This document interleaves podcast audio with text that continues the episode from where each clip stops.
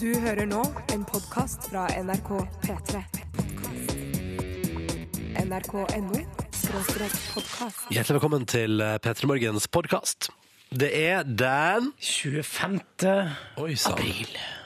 Okay. Hva er det så alle har kjøttstemme her nå? Ja, Jeg har, fi- jeg har det helt fint, jeg. Er det fordi at vi har vært og spist bacon? Vi har spist bacon. det er appelsinjuice. 25. april. Eh, Du skal få høre hele dagens sending eh, om igjen, hvis du har hørt på den før. Men siden du lastet ned podkasten, så kan det hende du ikke har gjort det før. altså hørt sendinga, Så skal du få høre den etterpå. Kun for deg som laster ned dette her som er MP3-fil på din datamaskin eller iPod eller lignende. Så skal du få et bon... Hvem er det som sa på telefonen? Hva Det var jeg som uh, fikk, fikk du, en mail. Hva fikk du mail om? Nei, jeg bare oppdaterte innboksen. Det var bare det som skjedde. Hva fikk du?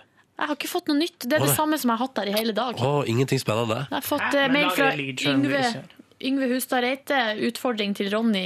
P3-vannmerke skal du ta. Hva det betyr, eh, det får du høre senere Mm. i sendinga. Følg med. Etterpå altså bonussporet. Det er kun for deg som laster ned denne podkasten her til eh, foretrukken enhet. Kan jeg få lov til å prøve det Silje her, før vi setter i gang? Ja. Bring the action! Dette er P3.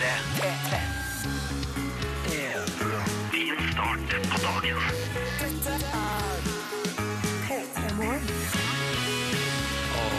hallo og god morgen til deg. Dette her er altså P3 Morgen som er i gang med ei rykende fersk radiosending som skal vare hele veien fram til klokka ni.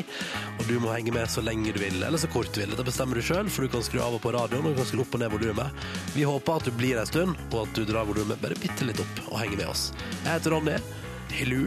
Uh, Silje Nordnes heter Stades. Hilu sitter med føttene på bordet for øyeblikket. For jeg har en sånn, jeg føler at jeg må innta en sånn litt laid-back stilling nå, i hvert fall første timen. Er du ikke livredd for å sovne når du nesten ligger? Nei. Synes det, vi har jo musikk, og du er jo her. til, å holde, til å holde både meg og, og de som hører på, våken. Mm. Yngve Ustadreite, Ja, du har valgt sitting. jeg sitter. Ja, jeg, kan, jeg, jeg gidder ikke å legge meg ned, så så laidback er jeg ikke. Det vil si, altså, jeg får laidback til å ligge meg ned. Da. Legge meg ned. Ligger jeg sitter bare. Ligger? Jeg bare sitter. Det der er noe som Men- faren min reagerer, han reagerer på, og det her det kommer så fram at At jeg sier eh, ligge med ned? Nei, eh, at eh, det- det- generasjonen kan henge, voksne generasjonen kan henge seg opp i så mye rart. Men det at ungdommen, han mener at ungdommen ligger så mye i sofaen, at ikke vi kan sitte ordentlig. Ja. Og når det kommer eh, folk på besøk, så i stedet for å sette seg i sofaen, så legger de seg i sofaen. Det vil jo jeg jo reagere på. Eh, altså, skal man ligge når man har besøk? Det er Men ikke hjemme i min sofa så ligger jeg nesten alltid. Ja. Jeg sitter aldri i sofaen. Men du kan sitte litt sånn uh, chillax, da, at du sitter halvligge. Ja, det, no. men det, det bikker over til ligging ganske fort. Det er det, ja. Det er det. Jeg har vært hjemme hos deg, Silje, i sofaen din, og der har du ikke ligget. Der har du sittet pent og pyntelig. Ja, men det, det bikker over til ligging. Ja, det gjør det. Ja, det gjør det fort. Så skal jeg si det til far din neste gang. Syns faderen også at dagens ungdom ligger generelt for mye med hverandre? Nei, det tror jeg synes er helt greit. Å, ja, okay. Ja. Silje, er du dagens ungdom? Er ikke du nå Nei, Jeg er jo en voksen 29? dame. Jo, jo, jo, men det her har han sagt da hele min oppvekst. Ja. Men du har ikke tatt konsekvensene og følgene av det. Nei. Du har bare kjørt på. Og Fortsett sånn, å ligge. Fortsett å ligge. eh, og for all del, ha beina på bordet hvis du vil det. Det er du hjertelig velkommen til. P3 Morgen er i gang, nå med en uh, nymoderne klassiker fra Mano Chao. Dette her er Bang og Bang på en torsdag morgen for å gjøre litt grann crazy, da. For å starte dagen på en fin måte.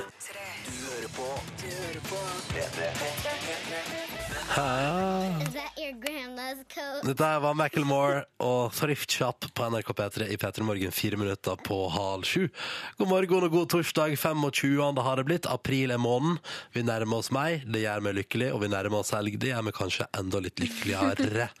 Um, Macklemore skal òg til den norske festivalsommeren, spille på HV.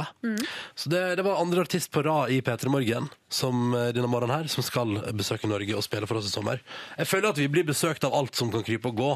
At det fins ikke omtrent artist i verden som ikke er på besøk i Norge. Er det noe nytt det der? Eller jeg tenker sånn, Macklemore han, jo, han har vært veldig populær nå eh, siste halve året, kanskje. Men han er jo ikke like stor som en del av de aller, aller største artistene, som bare kommer til Norge nå over en lav sko. Mm. Jeg tenker på um, sirkuset som nettopp har vært på besøk, Uh, Biebers, og så kommer Beyoncé. Altså, det er svære Rihanna, artister. Muse kom i sommer.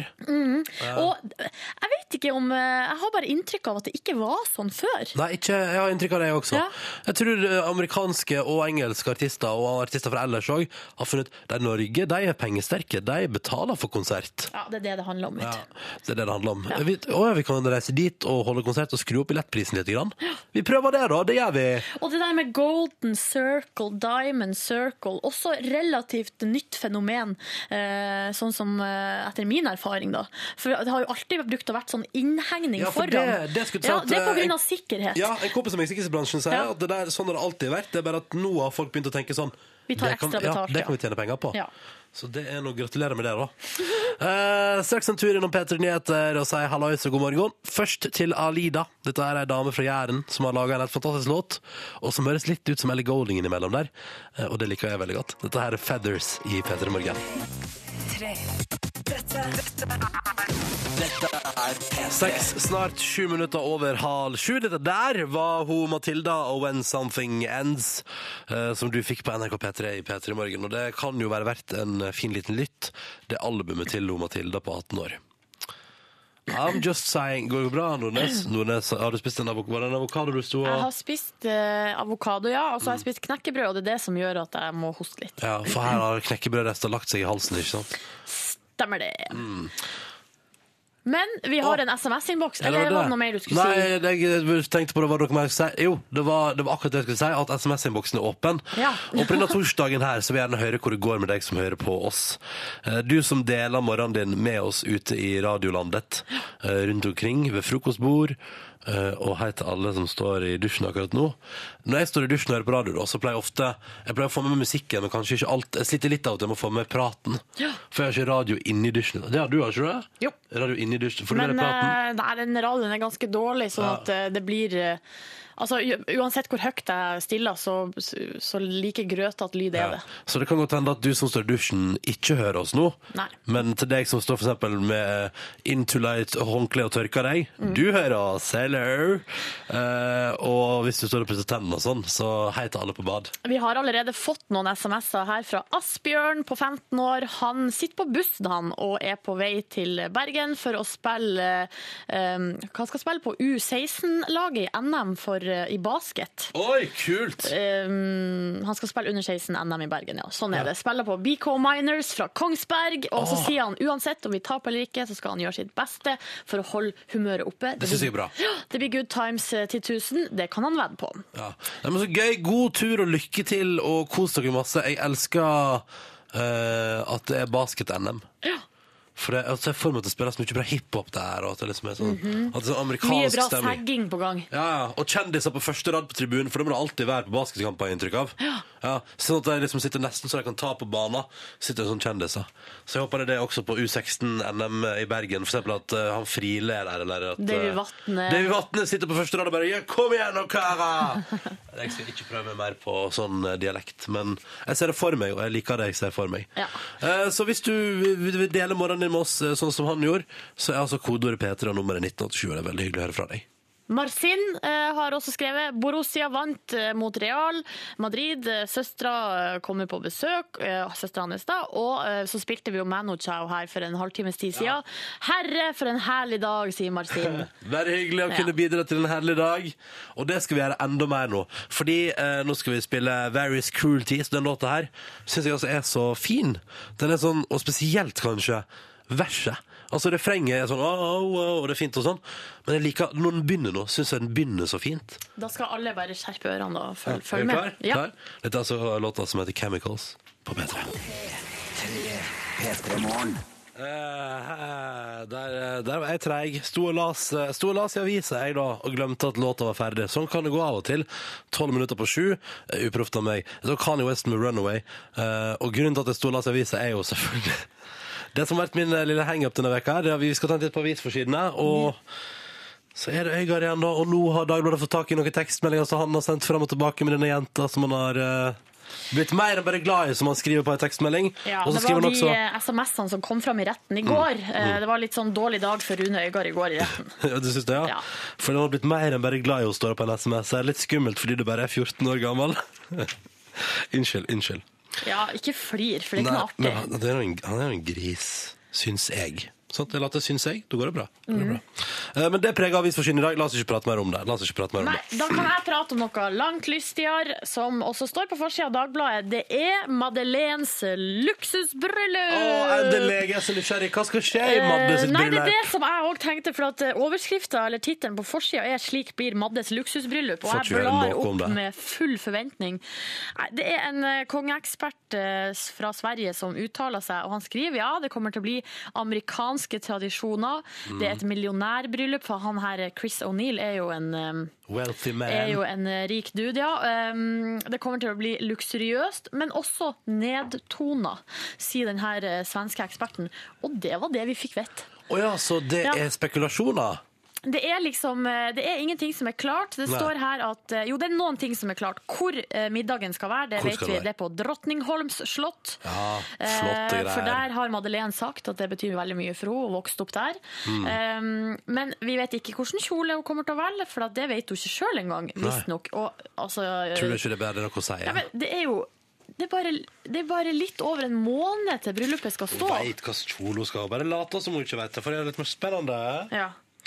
Tror jeg, da. Ja, ok. Men eh, så er det jo også spekulert i hvem som skal komme fra Norge som gjester. Heller ingen som vet. Det er bare bilder av Märtha, Ari og Håkon og Mette-Marit her, og så er det med spørsmålstegn bak alle. Oh, ja, ja, så de lurer på om noen av dem skal. Men hallo, det er jo en altså, Er det ikke vanlig å RS, RS, RSVP. RSVP? Eh, altså, du må jo gjøre det før eh, det har gått det er under en måned igjen. Jeg tipper at de som eventuelt skal dit fra Norge, vet at de skal dit. De bare vil ikke si det. Ja, men Jeg synes det er rart. Skal det være hemmelighetskremeri? Um, Annen sak får se VG i dag. Um, fordi uh, VG har gjort et anslag på da, hvor mye profitt Netcom for eksempel, et, et eksempel, da, fordi uh, mobilselskaper flår deg på samtale til utlandet, og det vet vi. Alle vi som har vært i utlandet og ringt hjem, Ja. vet at det er svindyrt. Og så har jeg regna seg fram til Netcom uh, fra Norge til Thailand, og anslår at fortjenesten her, altså det koster 11,99 å ringe i minuttet. Og så sier de at kostnaden i Norge er for NetCom da, 31 øre og 38 i Thailand. Så det regnes fram til at fortjenesten er jo på 11 kroner og 30 øre. Altså 1644% Og det syns jeg eh, det er drøyt. Men eh, alle er jo enige om at du skal jo ikke ringe til Thailand med mobiltelefon. Hva skal du ringe med da? Nei, ved Skype. Det, eller, oh, ja, sånn, eh, sånn ja. ja Eh, men, men av og til er man det som er digg, eller digg for mobilselskapet, er jo at av og til er du i utlandet, og så må du ta en telefon. Og da må du på en måte betale det det koster, fordi hvilket valg har du? Nei. Du kan ikke bytte abonnement midt i utla, ut, utlendigheten der. Du må jo rett og slett bare godta det. Jeg skjønner at mobiloperatørene tar seg betalt, for så vidt jeg kan se nå, eh, veldig mange operatører, der betaler du jo nesten ingenting. Ja. Folk har jo regning på null i måneden. Men Silje, vet du hva det betyr først og fremst? Nei. At det ikke er så forbanna dyrt å drifte mobiltelefoni, og at de tjener penger likevel, selv om du betaler ingenting. Ja, de gjør kanskje det. Mm. Du, En siste sak. Forsida av Aftenposten som er litt interessant, egentlig. Det er altså president Bush. Nå er han pop igjen. Ja! Altså, er det kanskje verdens mest forhatte mann i en periode. Så latterliggjort og eh, ja eh, Og så ikke- fort glemmer altså folk, for nå digger de han igjen. Eh, Ja, eller nå er jeg føler at han er bare en sånn søt, gammel gubbe. Og det står her at nei, han har begynt med kunstmaling. Nei! Jo da, Og så driver han på med terrengsykling. Det krasjer litt med gammel gubbe-imaget. Ja, det er det. det, er det. og så, Da han Bush gikk av som president i 2009, så ble det gjort en meningsmåling, og da sa eh, 33% at de at han gjorde en god jobb.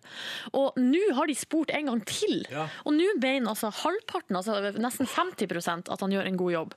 Og, eller gjorde en god jobb, da. Og det er det samme som president Obama. Så nå er de på en måte likt da, i popularitet. Folk glemmer så fort. Så fort. Men det syns jeg er litt bra, da, egentlig. Eller? Folk glemmer fort. Ja, nei, da kan ting skje på nytt, skulle jeg si. Altså, tenk hvis verden glemte jeg trekker det tilbake. Tenk hvis verden plutselig liksom, Det er jo helt motsatt. Man skal jo aldri glemme. Det er jo sånn det er. Det er sånn det er. Ja. Hvis Tenk hvis verden plutselig bare glemte eh, nazisme. Nei, det tror jeg er hyggelig. Altså, Ja. ja. Tre. Dette Of Monsters and Men og Little Talks på NRK P3, tre minutter på eh, sju. Og dette er gøy, fordi den, låta, den versjonen som du hørte nå, er jo den originale innspillinga av den låta her, eh, som vi spilte masse her på P3, og så gikk det sånn tålelig greit med Of Monsters and Men, folk la merke til det og sånn. Men så er det sånn, hvordan skal vi skape en internasjonal hit der? Så da har jeg spilt den inn på nytt igjen. Ja. Og da har jeg blant annet lagt inn noen fine sånne gammel seilskute i, i blest ut på havet-lyder innimellom. At det knirker litt i treet og sånn. Ja, skal det bli det bedre av den grunn? Det ble jo en, en stor hit etter hvert. Men spiller vi, vi spiller den gamle originalen. Vi spiller den gamle originalen. Den mangler jo disse koselige trelydene, men jeg syns jo den fortsatt har mer energi, om det er lov til å si.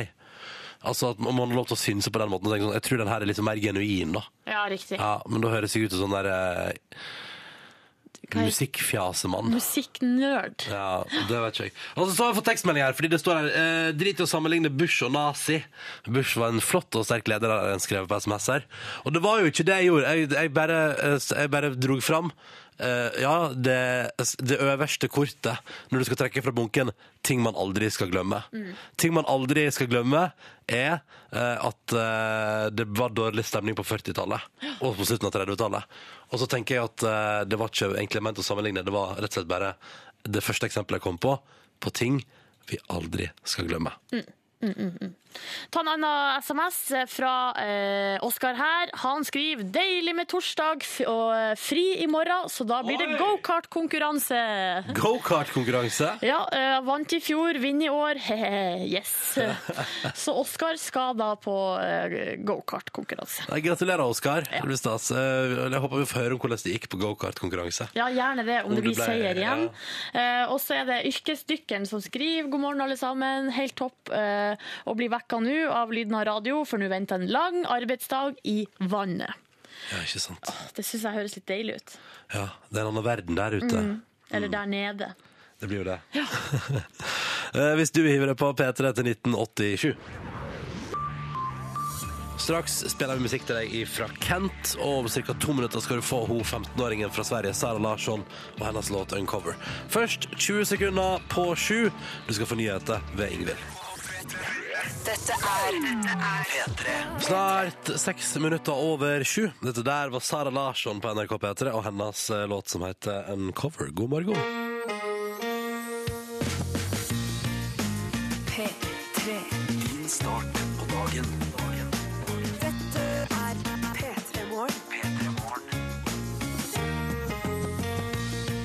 Så håper alt står bra til med deg som er der ute framfor radioapparatet, eller som benytter digital lytting, så det heter, altså internett og sånn. Eh, og da kanskje har oss ikke på et tradisjonelt radioapparat, men på en dings av et eller annet slag. Og peltorfolk, hallo peltors! Hvor det går der ute? Det er torsdag, det er snart helg. Vi trenger bare å komme oss gjennom den dagen her, og så er det bare opptur derfra, på en måte. Og har- torsdager er jo veldig fine, da. Ja, torsdager er Eller er de det?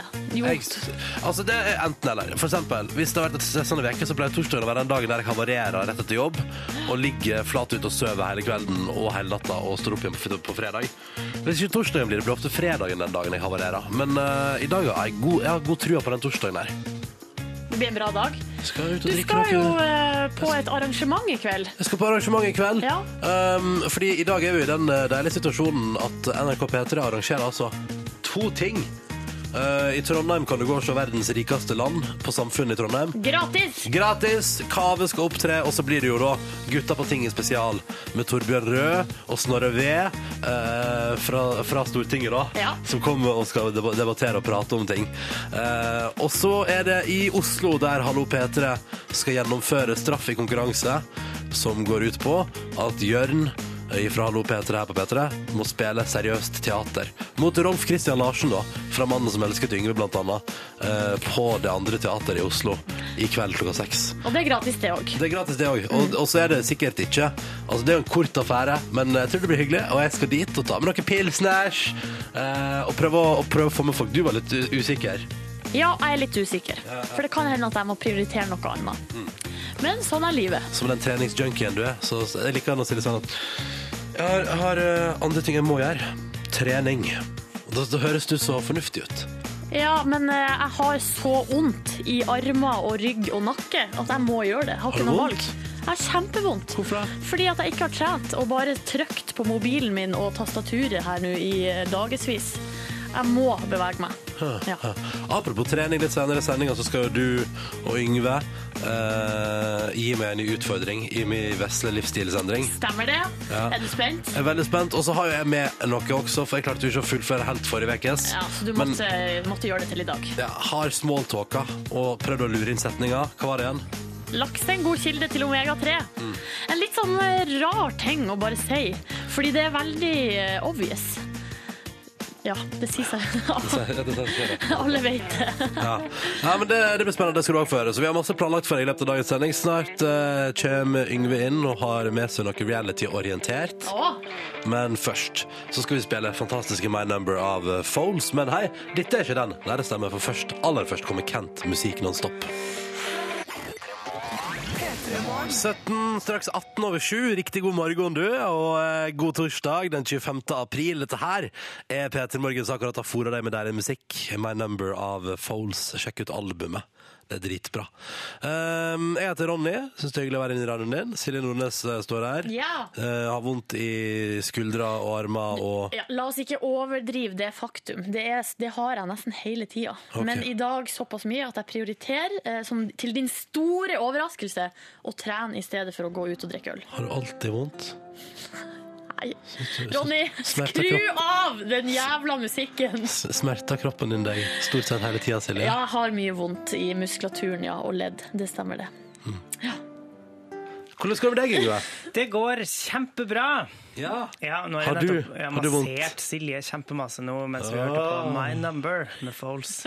Men du har ikke vondt? Wink, wink. Jeg har ikke vondt. Eh, Nei, det har jeg ikke. Ikke i kroppen. Um, Men i sjela. Ja, I altså, der har Yngve ting han sliter med. eh, ikke akkurat, men det er en ting eh, altså det Jeg er inne her for å snakke om reality. Eh, Reality-TV, moderne, altså Det er din utgave. favorittsjanger, ikke sant? Nei, det er ikke det. Eh, Og det er nettopp, Jeg skal ha et litt kritisk blikk, for dere eh, er jo forgapt i denne her sjangeren. Og vi liker det godt. Og jeg har jo sett min share reality, men jeg har sett meg litt lei eh, på reality, nettopp fordi eh, jeg syns at reality, dagens reality-deltakere de har det for enkelt. Hvordan da? Eh, vi skal høre et lite eksempel på hvordan dagens reality-deltakere de, Reality-deltakere. får alt servert på sølvfat. Eh, her skal vi høre fra poolparty på Paradise Hotel hvor fornøyd de er. Få seg en pils og få seg litt alkohol på dagen, det er, det er herlig. Det er fantastisk. Paradise Hotel. Mwah. Det er virkelig min dag. Dette er Isabel sin dag. Med flaskebasseng og Justin Bieber og kokosnøtter. Ikke sant? Her får de, altså de får servert eh, alt det de skal, eh, alle goder, eh, slik at de har tida til overs til at intrigene vektlegges. Og de bruker all tida si på å være seg sjøl og spille spillet, backstabbe hverandre, og til og med til luksusaktiviteten knulling og sex. Ja. Luksusaktivitet. Ja, og det er jo artig det, men vi må ikke glemme hvordan reality var i gamle dager. Og da måtte man ordne ting sjøl for å vise dette her litt slitsomme med organisering og, og denne her turplanlegginga og sånn. På best mulig måte så har jeg rekonstruert en situasjon med Nancy og Lisbeth fra, fra Charterfeber. Eh, der det er et tydelig bevis på at her måtte de ordne ting sjøl, sjøl om de kanskje ikke kan språket de skal kommunisere på engang. Ja. Du viser at reality var vanskeligere i gamle dager Ja. etter Blink 182. Her er Miss You på P3. Dette er P3. Den låta her minner meg om så mye. Eh, den er så fin. Den er så forbanna fin, den låta her. Eh, og mest av alt så minner den meg om å, å sitte i bil fra Vestlandet til Østlandet på vei til nye eventyr, og så går gatelysa omtrent i takt i skumringa der med I av Blink 182. Seks minutter på halv åtte. Og Yngve Hustad Reite syns det er for lett i dagens reality. På Paradise bare får de øl og plaskebasseng og Justin Bieber på stereo når de vil. Ja. Men i gamle dager var det ikke slik. Nei, eh, og det er det jeg har lyst til å illustrere ved å mm, Jeg har tatt meg den frihet til å rekonstruere en situasjon med Nancy og Lisbeth fra programmet Charterfeber. Er det de bingodamene? Ja, altså, jeg vet ikke Det er dem Jo, det- ja, det er bingodamene. de, de er meget eh, opptatt av eh, Altså, jeg tror de tror at de er kulturelt opptatte, Ja. men uh, vi kan jo kanskje se dem på en litt annen måte. Er var det dem som sprang rundt med kikkert og skulle finne Baileys? Om det var Der kommer vi på Gardermoen, og da er det rett på taxfree-avdelinga og opp med kikkerten, for Ja. her skal det speides etter Og det måtte de finne sjøl. Men altså, her er vi midt inne i en situasjon der de skal ut og leie uh, De skal leie bil og kjøre til uh, noen huler som de skal prøve å finne fram til. bra episode. Og, og bo, bo i over natta. Men eneste problemet er at de husker ikke hva hule er på engelsk. Og det, ja, det kunne være litt vanskelig med reality i gamle dager. La oss bare høre. Ja, og så nevnte jeg at eh, jeg har spilt alle rollene sjøl. Ja, bra. Jeg gleder meg. Nå skal vi inn og leie bil, og så skal vi kjøre oss en tur på øya her og se om vi finner noen huler her så vi kan sove i natt. Det er så mye fine fjell her. Hvor så du de hula Hulene har jeg sett på nettet, men om de har dem her lenger eller tetter dem igjen, det veit jeg ikke. Så nå går vi og ser nå om vi skal finne noen huler og en bil. Bagen er pakka. Pledd og greier. Good morning. Hey, how are you? Å ja, jeg trodde den snakka norsk. We are very fine, but, uh, but I think it will be a very busy day. Very good. We, uh, we want to rent a car. Okay. From uh, when? From today. From, uh, from very fast now. I don't have a car before tomorrow afternoon, unfortunately. Hæ? Mm, I know. I'm out of cars. But uh, can you tell us about mountain? Mountains, yes. Is it some place we can go for one night inside? Uh, To stay on a mountain? There is a hotel on top of the mountain. Not, not hotel. Um, høl. Hva heter høl? I don't know. Hule. Jo, hule. Outside. No, inside. Like a cave, Yeah. which is a, a hole in the mountain. Yes, very nice. Very nice. Is it not far away if we go with uh, taxi, for example? No, no. It's um, 15 minutes, 10 minutes in a taxi. Ah, mm. But is it normal that tourists go there and sleep? Not normal, no. Uh, you two ladies don't look very normal to me. Not normal. Nei, men da kan vi prøve det når det ikke er lenger unna, da. Ta en drosje Ja, vi litt. kan det. Så kan vi finne en hippie, det er ikke så vanskelig. Vi veit jo åssen dem ser ut. Thank you. Enjoy your holiday, and I hope the hippies are what you imagine them to be. I hope they are like you. They have to be nice. Very nice. Thank you very much. Okay, have a nice trip, ladies. Bye. Ja, det var ikke bare enkelt i gamle dager. Så håper man husker det nå da, når man sitter og ser på Paradise Hotel, at uh, reality var annerledes før. Jeg, jeg voter de to damene der neste sesong av Amazing Race. Yes. Ja. Her er Avril Lavind på P3. Straks åtte minutter over halv åtte. Dette der var Muse og Supremacy på NRK P3 i P3 Morgen på en torsdag i, på tampen av april. SMS-innboksen vår er åpen, og du er hjertelig velkommen til å la deg høre fra. For eksempel har Isolde sendt melding, og hun og mamma er på vei eh, altså mammaen hennes er på vei til Göteborg, for de skal på Göteborg Horse Show eh, og gleder seg veldig. Gleder meg masse, står der. Um, og da ønsker vi Isolde og mammaen til Isolde god tur, og lykke til på Horse Show. Tur. Mhm. Og så er det da um, Skal vi se her Uh, En som skal på jobbintervju i dag. Det er Elektrobjørnen som skal på jobbintervju i dag. Og som håper på ny jobb. Ønsker meg lykke til, står der. Lykke til. Husk fast håndtrykk. Eh, ikke, Men ikke for fast! Nei, passe fast, og så gå, gå hendene eh, Altså gå på do og vask hendene først, og tørk skikkelig godt, sånn at Ja. hendene er sånn tørre og gode og varme. Og ikke våte, småvåte. Ja. For da tenker jeg sånn Herregud, hva er det han har drevet med? Hva har han tatt på? Eh, men det kan jeg bare si om fast håndtrykk at du må ikke være sånn det, Jeg kjenner noen som eh, tar for hardt i. Ja. Så det går også an. Og så kjenner jeg noen som tar for slapt i. Men hvis du bare liksom, altså det du må gjøre, at du bare går inn og tenker sånn Nå skal jeg shake hands, liksom. Det kommer til å skje. La oss bare gjøre det. Og så gjør du det. Enkelt og greit. Ja. Var det et godt råd, eller? Ja, det var, bare gjør det. Kjempegodt råd. Jeg gjør det. Ja. Og um, ja. Og så er det en der som um, Jeg syns denne, denne meldingen her uh, hang jeg meg opp i. Uh, det står Ronny, du er god på å late som du vet mye om mye, Men når du, eh, når du snakker om operatører og kostnader ved å drifte et mobilselskap, så tar du veldig feil. Det, no, det må koste, skriver du altså meg på SMS. Ja, det var apropos en sak eh, på forsida av VG i dag om det at mobiloperatørene tar seg godt betalt når vi skal ringe til utlandet med mobil. Og da mente jo jeg på at eh, det må de gjøre, fordi at det er jo så godt som gratis å ringe i Norge nå for tida at en plass må pengene komme ifra. Ja. Og da sa jeg meg uenig i det. Ja, for du mente at det var så godt som gratis å drive et mobilselskap i Norge. Jeg ser at det kan ha provosert Mags her. Ja. Lurer på om Mags jobber i mobilselskap, drifter et eller annet sånn Talkmore eller noe sånt. Det er jo noen eh, sånne antenner som står over hele Norges land som må eh, drives eh, Hva heter det, vedlikehold. Vet du hva jeg fant ut i går? Mm. Nei? At vi har, Jeg har en sånn antenne på taket på huset mitt. Er det sant? Du må, være, du må ha byens beste Ja, i hovedstaden. dessverre feil eh, operatør. eh, oh, ja. ja. Oh, det var et annet selskap som Ja. eide den antenna. Så du er egentlig ganske bedriten telefondekning, du, da? Er helt vanlig. Ganske, ja. Helt vanlig under middels. Jeg har kun bodd i, leiligheter der jeg ikke har god mobildekning i mitt liv. Ja. Jeg synes det er imponerende. Uansett hvor jeg har flytta, så har jeg endt opp i en leilighet der mobildekninga er helt ekstremt under middels. Men du må flytte litt lenger opp. Du Ja. bor jo på, i første etasje. Det er det som er, vet du. Det er det som er. Jeg må opp i etasjene, Ja. skal du se at det ordner seg i livet mitt også. P3 til 1987 hvis du vil hive deg på og delta på morgenkvisten. Vi skal dra på med noe MGMT nå, før jo Silje har rojalt nytt, altså. Ja. Kongelig nytt fra Silje Nordnes etter Time to Pretend. 11 ved halv åtte. Kvart på åtte på NRK P3 med musikk fra duoen som ga ut et helt fantastisk album der blant annet den låta her var Finne Time to Pretend. Og så sa de til Lydverket at de alltid måtte røyke seg litt grann stein før de spilte festivaljobber.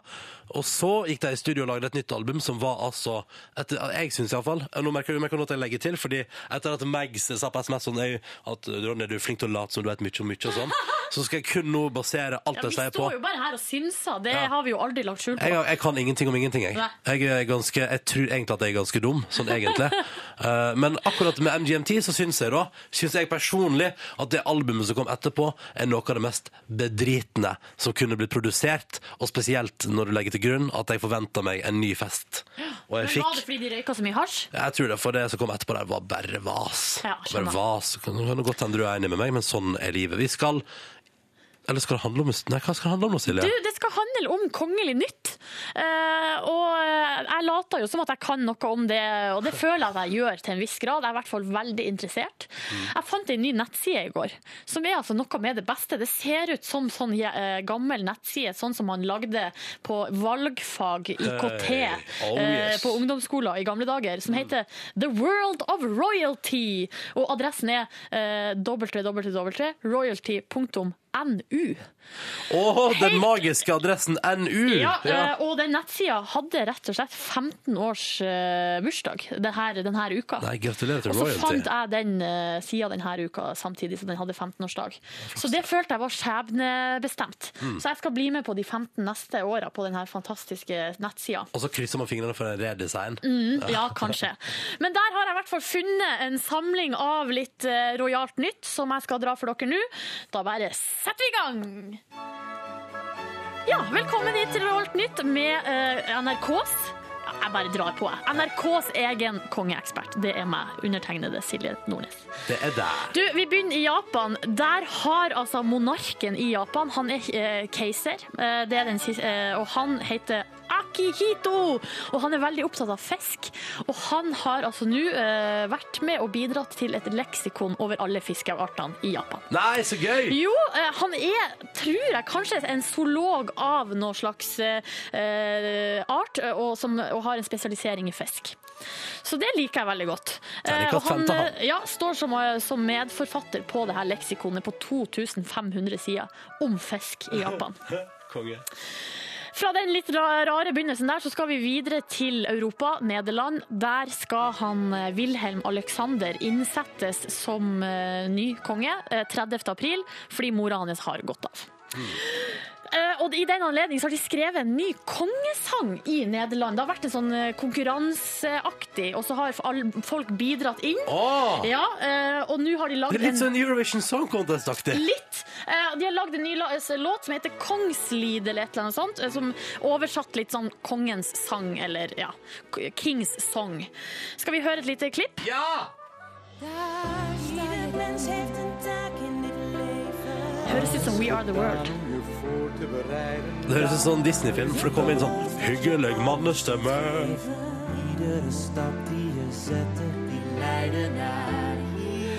Ja, den sangen her den ble sluppet før helga og har fått så enorm kritikk.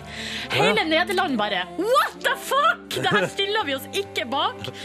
Og innen lø altså Det ble sluppet på fredag, og innen lørdag så hadde 37 000 stykker sendt inn søknad for å få sletta sitt nederlandske statsborgerskap. Hæ?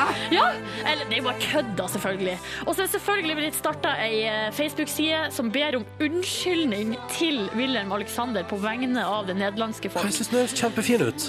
Den høres ut som en Disney-låt. Ja, men skal vi høre på neste klipp? Og jeg tror det er der at eh, folk eh, at det, kommer at, noe, eh, kommer noe sex nå? Ja, fordi i ekte 2013-ånd så har man kjørt på med litt uh, rap. Eén strijd, twee levens. We staan voor elkaar niet te breken. Eén vlak, twee leeuwen. Met elkaar in de zon en de regen. Jeg forstår hatet. Gjør det, ja. Ikke gjør det! Ikke gjør det! Nei, og det blir, eh, det blir på en måte bare verre og verre, for det som begynner som en skikkelig fin, ja, litt Disney-aktig sang. eh, Det er krysning mellom Disney og We Are The World. Og det ender opp med noe Jeg vet da søren hva det er som skjer. Ja, vet du hva? Dette der var rart. Klassisk hiphop. Ja, det er uvisst hva som skjer med den sangen. Egentlig så skulle hele Nederland synge den samtidig til kongen på Tror ikke det kommer til å 30. april. Jeg tror kanskje det kommer til å skje, faktisk. Okay. Så får vi se. Du, en siste sak, eh, veldig liten. Dronning Elisabeth har to bursdager. Hæ? Ja. Eh, hør et klipp. Jeg kom over en liten video. Kom over følgende klipp. The Queen has two birthdays. She was born on April the 21st in 1926, but she also has an official birthday in June, which is marked with the Trooping the Colour parade. Så da, eh, Er det kødd? Nei, det er ikke kødd! Hun har to bursdager. Og Hun er født i april, men hun feirer bursdag Altså, hun har bursdag i juni. Ja, da er det eh, bursdagsparade. Den offisielle feiringa, da. Og det er derfor jeg elsker kongelige så mye. Fordi det er så masse fjas. Ja, fordi de har ikke Det er helt, va helt, helt vanlig å ha to bursdager. Nei. Jo, og jeg så eh, at særlig de som har bursdag på, eh, på vinteren, de har i hvert fall to bursdager. Ja, for de vil ha en på sommeren òg. Ja. Men dronning Elisabeth har misforstått. Det er jo den dagen du blir født du feirer bursdagen din. Men jeg føler eksempel til etterfølgelse. Så jeg skal feire min bursdag nummer to i sommer. Dette er P3. Åtte minutter over åtte. Dette der var The Black Keys på NRK P3 og deres låt Gold on the Ceiling. God morgen.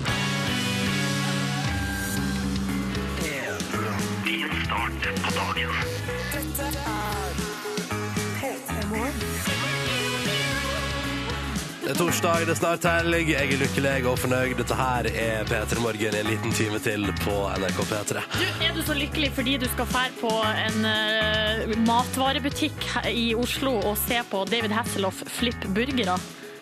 Hvor kan du se David Hasselhoff? Hæ? Eh, På Meny eh, i Oslo. Eh, det er Hvorfor derfor- skal David Hasselhoff på Meny og flippe Det burgere? er det som er mitt spørsmål. Fordi Sist gang David Hasselhoff kom til Norge, så var det stor ståhei.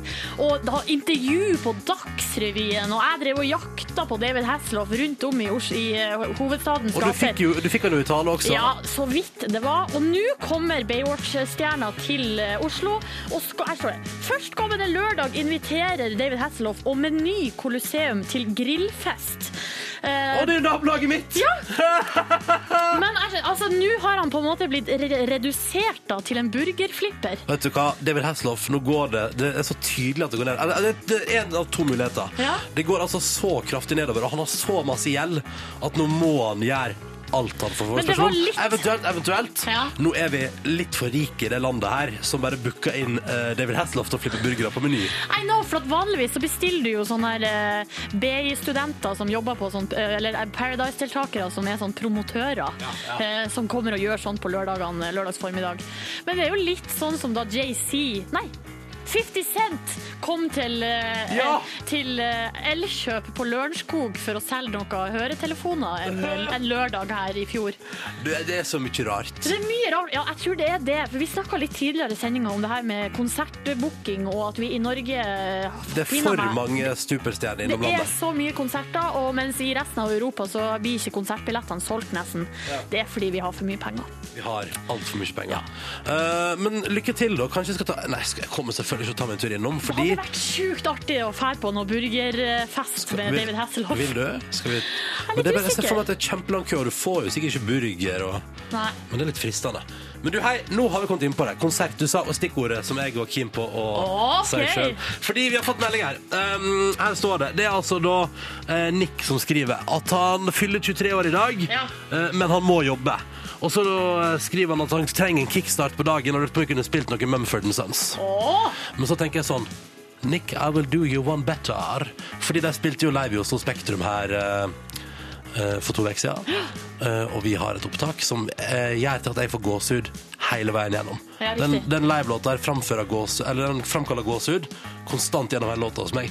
Så nå skal jeg finne fram den, OK? Finn fram den, og mens du gjør det, så skal jeg, vi har fått en oppdatering fra Maria Hansen fra Sykkylven, som skriver Hallo, David Hasselhoff skal jo være konferansier på We Love the 90s! Selvfølgelig! Så det er derfor han kommer, og hele burgerflippinga er vel bare en eh, strøjobb som han har på si. Ah, Ja. Da er jeg med. Da ønsker vi David Hasselhoff lykke til med både burgerflipping og We Love the 90s.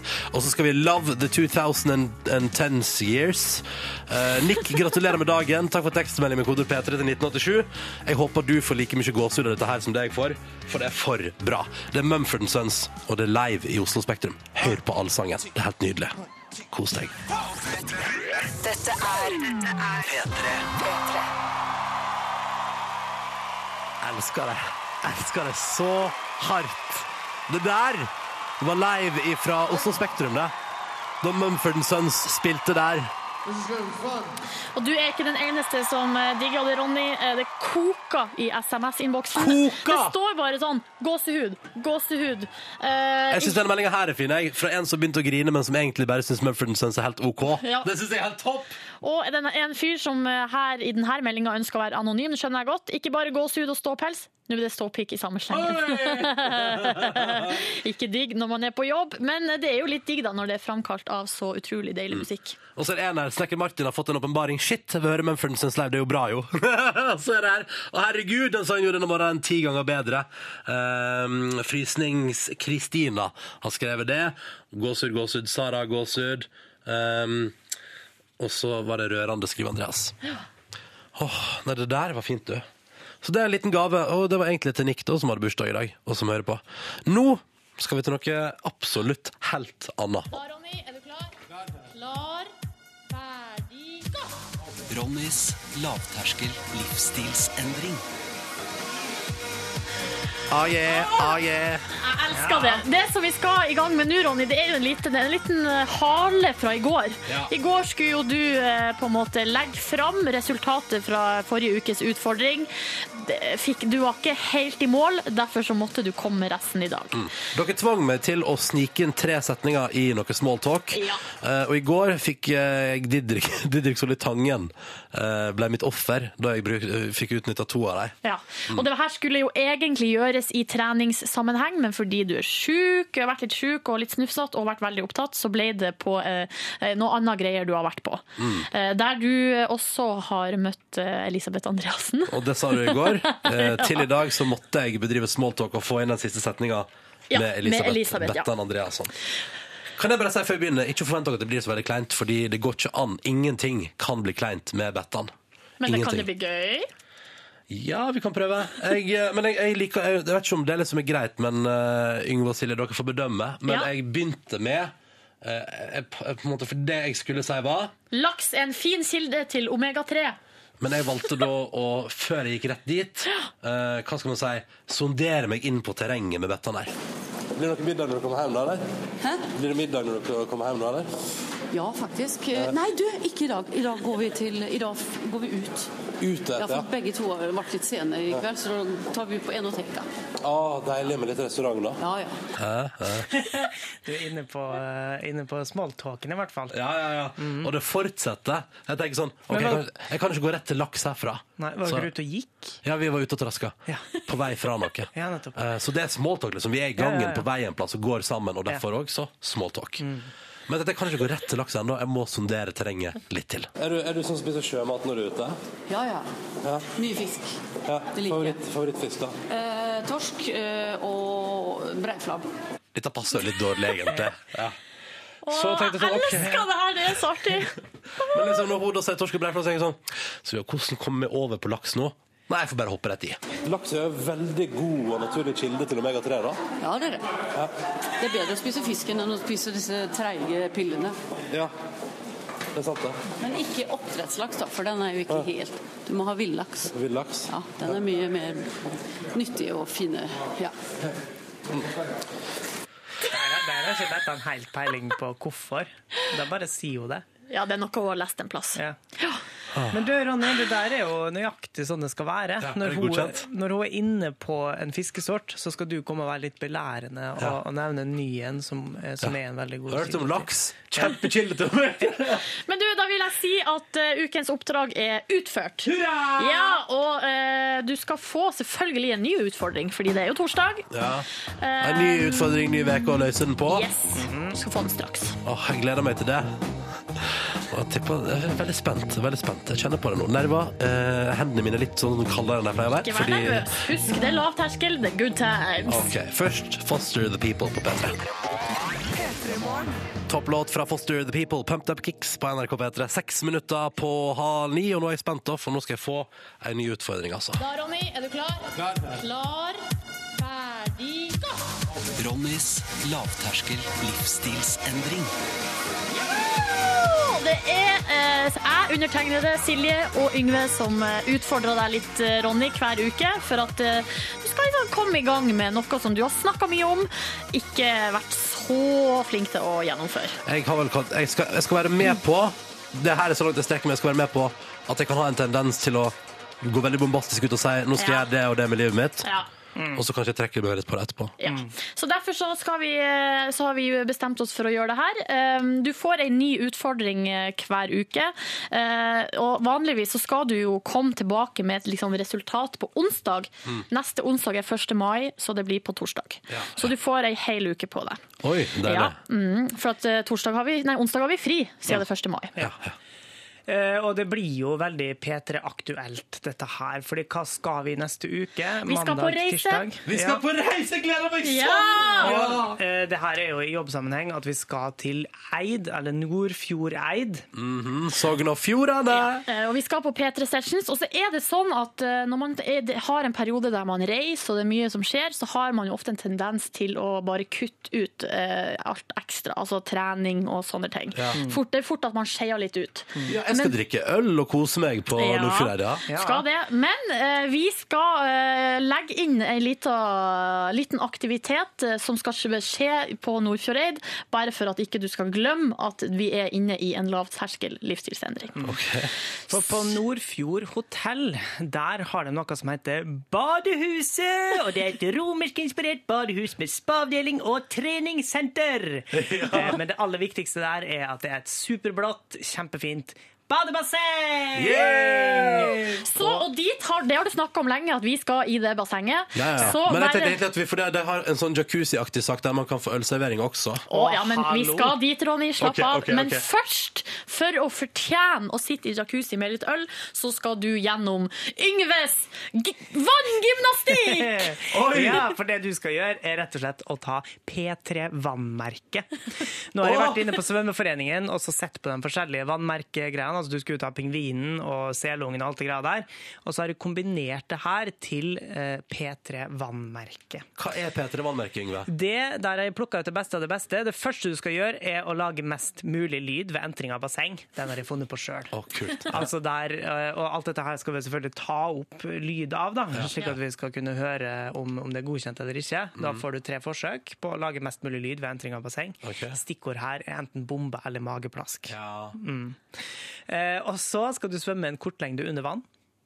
Oi. Ja. Oi. Eh, og det er nettopp, altså jeg må si kortlengde fordi at jeg tror det, det lille bassenget der kunne du kanskje klart en hel lengde.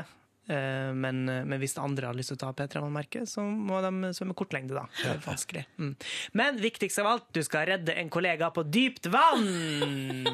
Og der skal jeg la meg synke til bunns, og så må du plukke Å, meg opp, opp? sånn at de ikke drukner, da. OK. Tar du utfordringa? Ja, ja, ja. Ingen svømming, altså. Digg. Jeg er Jo, du skal svømme en kort lengde under vann. Ja, det er sant. Ja. Men det er klart, selvfølgelig kan jeg redde deg fra synkende bunn. Ja. Og det er fordi jeg har vært i det bassenget før og vet at det er ikke så dypt, så det går fint. Uh, men dette, nei, men Og så skal du ta munn-til-munn-metoden på Yngve etterpå. Nei. Nei. nei, nei. Aldri i verden!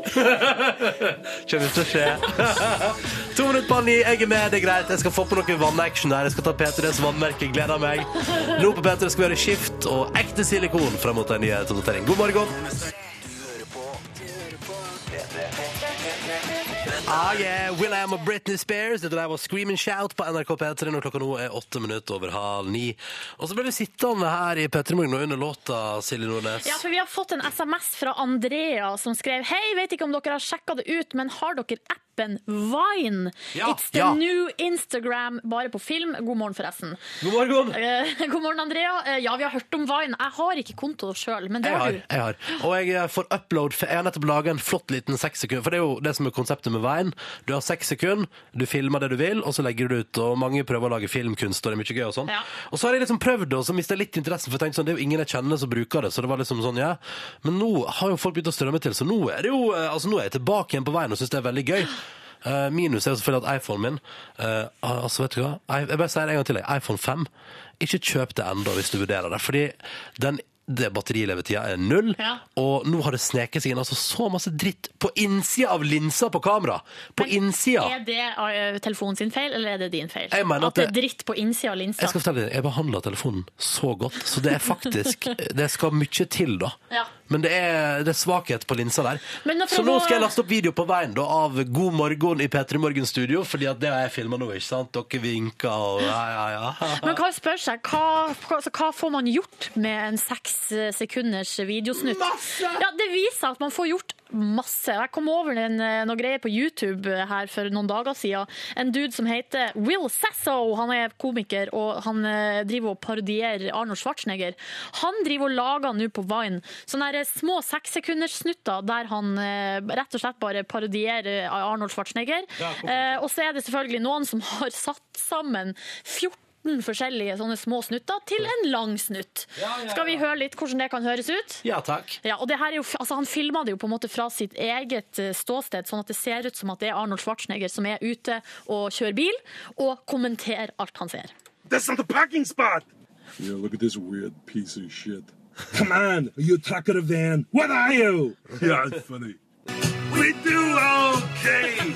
Reverend blue jeans. Hey, what the heck? Truck van, make up your mind. Yeah, watch this. Hey, I'm pulling you over. Yeah, it's funny because it's the other way around, you know. Der kjørte han bort til en politibil og var funny.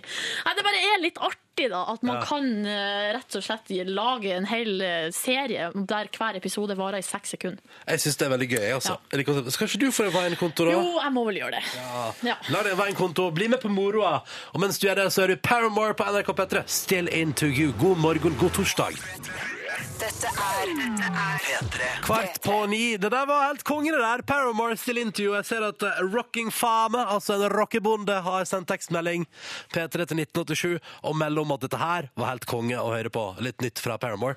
Og Så har vi ja, fått en hel drøss med SMS-er fra masse snekkere som jobber med støv og skit hele dagen. Det er ingen som har problemer med støv på innsida av linsa. Men så du den fra Ja, var- Kjell i Moss nå? Ja, han var på ditt lag, men det var én av mange Nei, men, det, her. men ser du ikke at det står Kjell fra Moss skriver um, Det er bare å levere inn et iPhone der du fikk den, fordi det står der Det er en kjent feil med støv på kameraet ditt Det var jo iPhone ikke 5. sånn i begynnelsen, Ronny. Var det det? Var det sånn i begynnelsen? Nei, men altså, sannsynligvis har jeg fått en iPhone 5 da, som har en liten feil her, som gjør at det Ja. sniker seg inn noe dritt under kameralinsa der. Tro okay. på meg. Jeg behandler jeg behandler, Det er ingen det er ingen som behandler tekniske ting like fint og forsiktig som det jeg gjør. Ok. No joke. Hei, Yngve. Hei, Ronny. Du, okay. der skal jeg, når, når venner meg har sånn eh, irritasjon overfor et stort selskap, så stiller jeg meg alltid på vennene mine sitt lag. Ja. For da er det alltid Apple sin feil uansett, syns de. Og til dere som driver og sender sånn og så til dere som melding sånn, Ikke kjøp iPhone uansett. Så tenker jeg sånn, Det er fortsatt den beste telefonen jeg har hatt. Altså iPhone. Men akkurat den iPhone 5 der eh, med det støvgreiene Mm. Litt irriterende, altså. Yngve! Ja, jeg har kommet inn hit fordi jeg vil gi det som sitter og hører på, uh, muligheten til å vinne ei T-skjorte. Uh, og uh, hvis man skal få gjøre seg fortjent til den, så må man følge ekstra godt med når jeg skal nå jeg skal fortelle litt av historie fra min oppvekst, eller altså noe jeg har gått gjennom tidligere i livet mitt, som ja, jeg syns det er vel verdt å, å fortelle om, da. Få høre. Jo, for det her skjedde på den tida da jeg bodde sammen med onkelen og tanta mi i et litt ørkenaktig område. Jeg hadde levd et, ja, levd et rolig liv, hadde det egentlig ganske bra, sett bortsett fra at jeg ikke visste hvem foreldrene mine var. Å? Mm. Eh, og så skjedde det en dag mens jeg satt der, at eh, jeg ble bedt av onkelen min om å reparere en robot han nettopp hadde kjøpt. Og det syntes jeg var skikkelig gørrkjedelig arbeid. Spesielt ettersom jeg hadde planer om å dra til en plass som heter Tash Station. Eller som jeg sa til onkelen min. But I was going to Tash Station to pick up some power converters. Ja, Så sutrete var jeg, og eh, jeg kunne jo angre på at det her var liksom mine siste ord til onkelen min, fordi jeg måtte reise vekk eh, og møte på en gammel raring med denne roboten. Og da jeg kom tilbake, tror dere ikke at et intergalaktisk imperium hadde vært hjemme hos meg og skrella vekk både onkelen og tanta mi? Stokk dau, brent i stykker. Vel, dette her slengte meg ut i ei gigantisk stjernekrig, der jeg plutselig fant meg sjøl som hovedbrikken med en ukjent styrke jeg hadde, som var å kunne manipulere det vi kalte for kraften.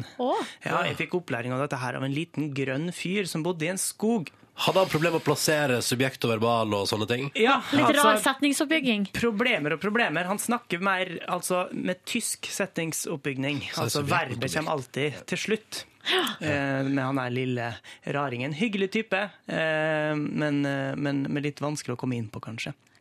Oppi dette her møtte jeg i tillegg en kjempestor, hårete fyr som uh, snakka et utrolig rart språk, men jeg forsto allikevel hva han sa. Yes. Og han hadde en bestevenn som het det samme som en supergod brus. Og så kan jeg avsløre Men traff du ei dame òg? Det var ei fin dame som Å, ja. kom eh, Hun ble lite forelska i. Eh, Litt det- pinlig. Var det søstera di? Ja, hvordan visste du det? Nei, det er litt, ja. Litt pinlig, for vi klinte jo ved et tilfelle. Oh. Eh, og, så, og så viste det seg litt senere at det var søsteren min. Men, men Oh, no. jeg kan avsløre såpass at det var, hun var ikke den eneste familiemedlemmet jeg fant ut eh, hvem var. Nei, for jeg fant far din? Jeg møtte far min midt oppi det her der. Ah, det var ikke direkte koselig møte, kan jeg avsløre. Nei. Uh, ja. Nå må du slutte å tulle. Nei, nei, heldigvis. Men alt dette her skjedde eh, Det høres kanskje rart ut, men det skjedde for lenge siden. I en galakse langt, langt borte, eller? Hvordan i all verden, Ronny og Silje, veit dere alt dette her? Fordi jeg veit uh, nok en gang virka historiene fra ditt liv mistenkelig som en film. Kunne vært Hotell Cæsar siden du eh, rota med søstera di, Ja. men Nei, nei, eh, nei, det stemmer da. Det, det her er ikke en historie fra min virkelighet. Det her er en film som heter Star Wars. Og den, ja. Ja, og jeg blanda meg sjøl og hovedpersonen Luke Skywalker. Det kan fort gjøres. Men, men. eh, Det du kan gjøre for å vinne ei T-skjorte her, er å svare med på hva eh, en sånn irriterende og ganske morsom blikkrobot som følger oss rundt omkring i denne stjernekrigen, hva heter den? Det er en blanding av tall og bokstaver. han som er sånn gullfarga. Gullfarga, ja, Okay. og som snakker britisk. Å, briten, ja! Den britiske roboten. Ja. Mhm. Eh, Send svaret ditt med adresse og navn og T-skjortestørrelse til kodeord P3 1987. Og gjør det nå! P3 1987, navn, adresse, T-skjortestørrelse. Du kan vinne Hva heter roboten med britisk aksent? Yep. Yes. Dette Dette er P3. Dette der var Phoenix nye Entertainment på NRK P3. Tre minutter på klokka ni. Dette er P3 Morgen. Vi håper at det står bra til med deg.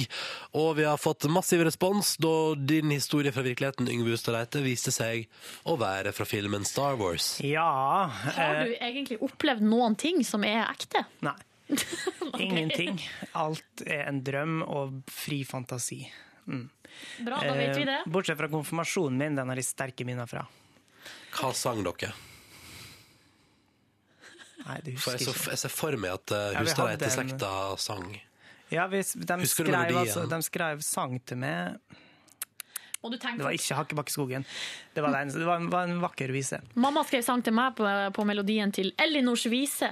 Oi! Ja, Hva er det som nordnorsk jeg drømmer klasse. om? Ja. ok. Eh, vi har fått inn massevis av svar, og vi kan jo bare høre på hvem det var jeg var ute etter. Og hvis du bare spiller den lille lyden der.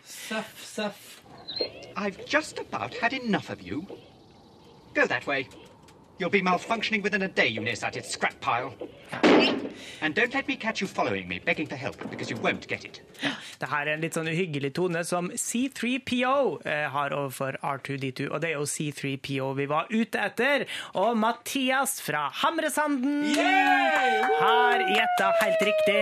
Og så er det en stressless-snekker som lurer på om eh, I og den her britiske C3PO har tilsvarende posisjon i sosiale sammenhenger.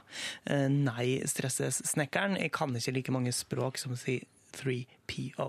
Mm. Han kan nemlig tre millioner språk. Men Mathias fra Hamresanden, han får premieposten. Ja, det gjør han. Både Ja. T-skjorte og CD skal jeg sende i dag. Gratulerer så mye. På tampen her, ta med et par praktiske opplysninger. Først og fremst, jeg bare si, hvis du som hører på befinner deg i enten Oslo eller Trondheim i dag, så har vi i P3 to arrangement gående i kveld, altså, som Yes. er såkalt hyggelige, gratis og velkommen skal du være. Info om begge to ligger på p3.no. Det er i Oslo. Jørn i Hallo P3 har tapt en konkurranse om å spille seriøst teater på det andre teateret i Oslo i kveld i seksdraget. Du finner info om det på p3.no. Gratis å komme dit. Mm, jeg skal dit. Gleder meg. gleder meg. i, eh, ja, men for de som er i Trondheim, så er det på Samfunnet, verdens rikeste land. Gutta på tinget live. Mm. eh, Med Kave skal komme og spille, og eh, det blir good times. Det blir definitivt good times. Gratis, det òg. Ja. Eh, Vi er tilbake i morgen. Jonny og Onkel P er gjester. Vi gleder oss masse til det. Mm. Mm. Og det har vel med seg en ny singel også, så vidt jeg vet. De har med seg en ny singel. Tenk det. Eh, vi snakkes da. Nå skal vi lage podkast med bonusspor. Hvis du har enda mer Peter Morgen, kan du laste ned den, for der fjaser vi på tampen. Podkast, bonusspor. Hjertelig velkommen skal du være til denne biten av podkasten som er forbeholdt kun deg som lasta den ned. Tusen takk! Tusen språk. Eh, jeg håper alt står bra til. Åh, Det er så lett å erte deg, Ronny, fordi eh, det er sånne små ting som gjør at du blir så irritert. Hæ, hva er det nå, da? Ikke si trusen sprakk! Ikke si takk, det er ikke til dere, det er til lytterne! Skal aldri mer si takk. Nei. Jo da, skal gjøre det i morgen. Allerede. Tross at vi har vært i kantina og spist, eller kanskje nettopp av at vi har vært i kantina og spist, så er litt sånn gretten stemning. Ronny og Silje erter hverandre, og ingen av dem syns det er noe morsomt. Eller altså, begge syns det er morsomt, men bare når de gjør det sjøl, og ikke når det går utover dem sjøl. Stemmer det. Ja. Vi har jo spist røstig potet. Det var latterlig godt. Kan vi gi terningkast på bacon i dag? Baconet var, be be Det var ganske bra bacon i baconet var dag. over snittet, men jeg, jeg spiser jo dobbel røsti Mm. eh, og tar fra forskjellige batcher som kommer. Ja, riktig. Eh, og den batch nummer to som jeg tok av i dag, der bomma jeg litt. Grann. Ja, fordi jeg hadde en hard baconbit som jeg ble sittende og gnikse på med Ja, på, jeg tenkte på selve poteta. Poteta var, det var et eller annet muffins med potetbatch nummer to, men den første var helt utsøkt. Mm. Jeg tror nummer to hadde ligget litt lenger og var litt tørrere. Sannsynligvis. Min teori. Jeg lurer på om jeg skal prøve å lage røstipotet. Ja, lurer på hvordan du lager det. Nei, det er ikke så vanskelig. Vi drev jo styret da Vi fikk, jo, vi fikk jo mail fra en lytter som hadde sendt oss oppskrift. Ja, det er ikke noe vanskelig, for at eh, da vi begynte, eller da de begynte med Røsti i kantina, så var jo Olli Wermskog her, eh, ny i NRK, allergisk mot alt i hele verden, så derfor måtte vi gå inn og sjekke på oppskrifta om det var noe i Røsti som han kunne være eh, allergisk Ja. mot. Og det var det ikke. Det er bare potet og litt olje og salt og pepper, tror jeg. Men det som er, det som er vet du, er at Kanskje noen bindemidler, bindemiddel av noe slag. Potet... Nei. Men det som Olli fant, vet du, var jo at han fant jo de røstepotetene som kantina laga. Det selges i frysepakninger på butikken. Nei. Ja! Samme Åh. typen, liksom. Å ja, så det er sånne røsti de Men har? det tror jeg sånn- Du, kantina lager dem. Men Nei. steiker de dem i panna, er det de gjør? Ja. Det blir liksom så rar form på. eller sånn? Hva mener du med rar form? Det ser ikke ut som poteter, tenker Sigrid. Ja. Men, nå tror jeg jeg vet hvorfor de, jeg tror de rifler det opp med sånn eh, Ja, ja, det Derfor så ser det litt sånn eh, Ja, Det er jo hele poenget. Ja. At det er ri, ri, på sånn rivjern. Ja. Nei, det visste jeg ikke.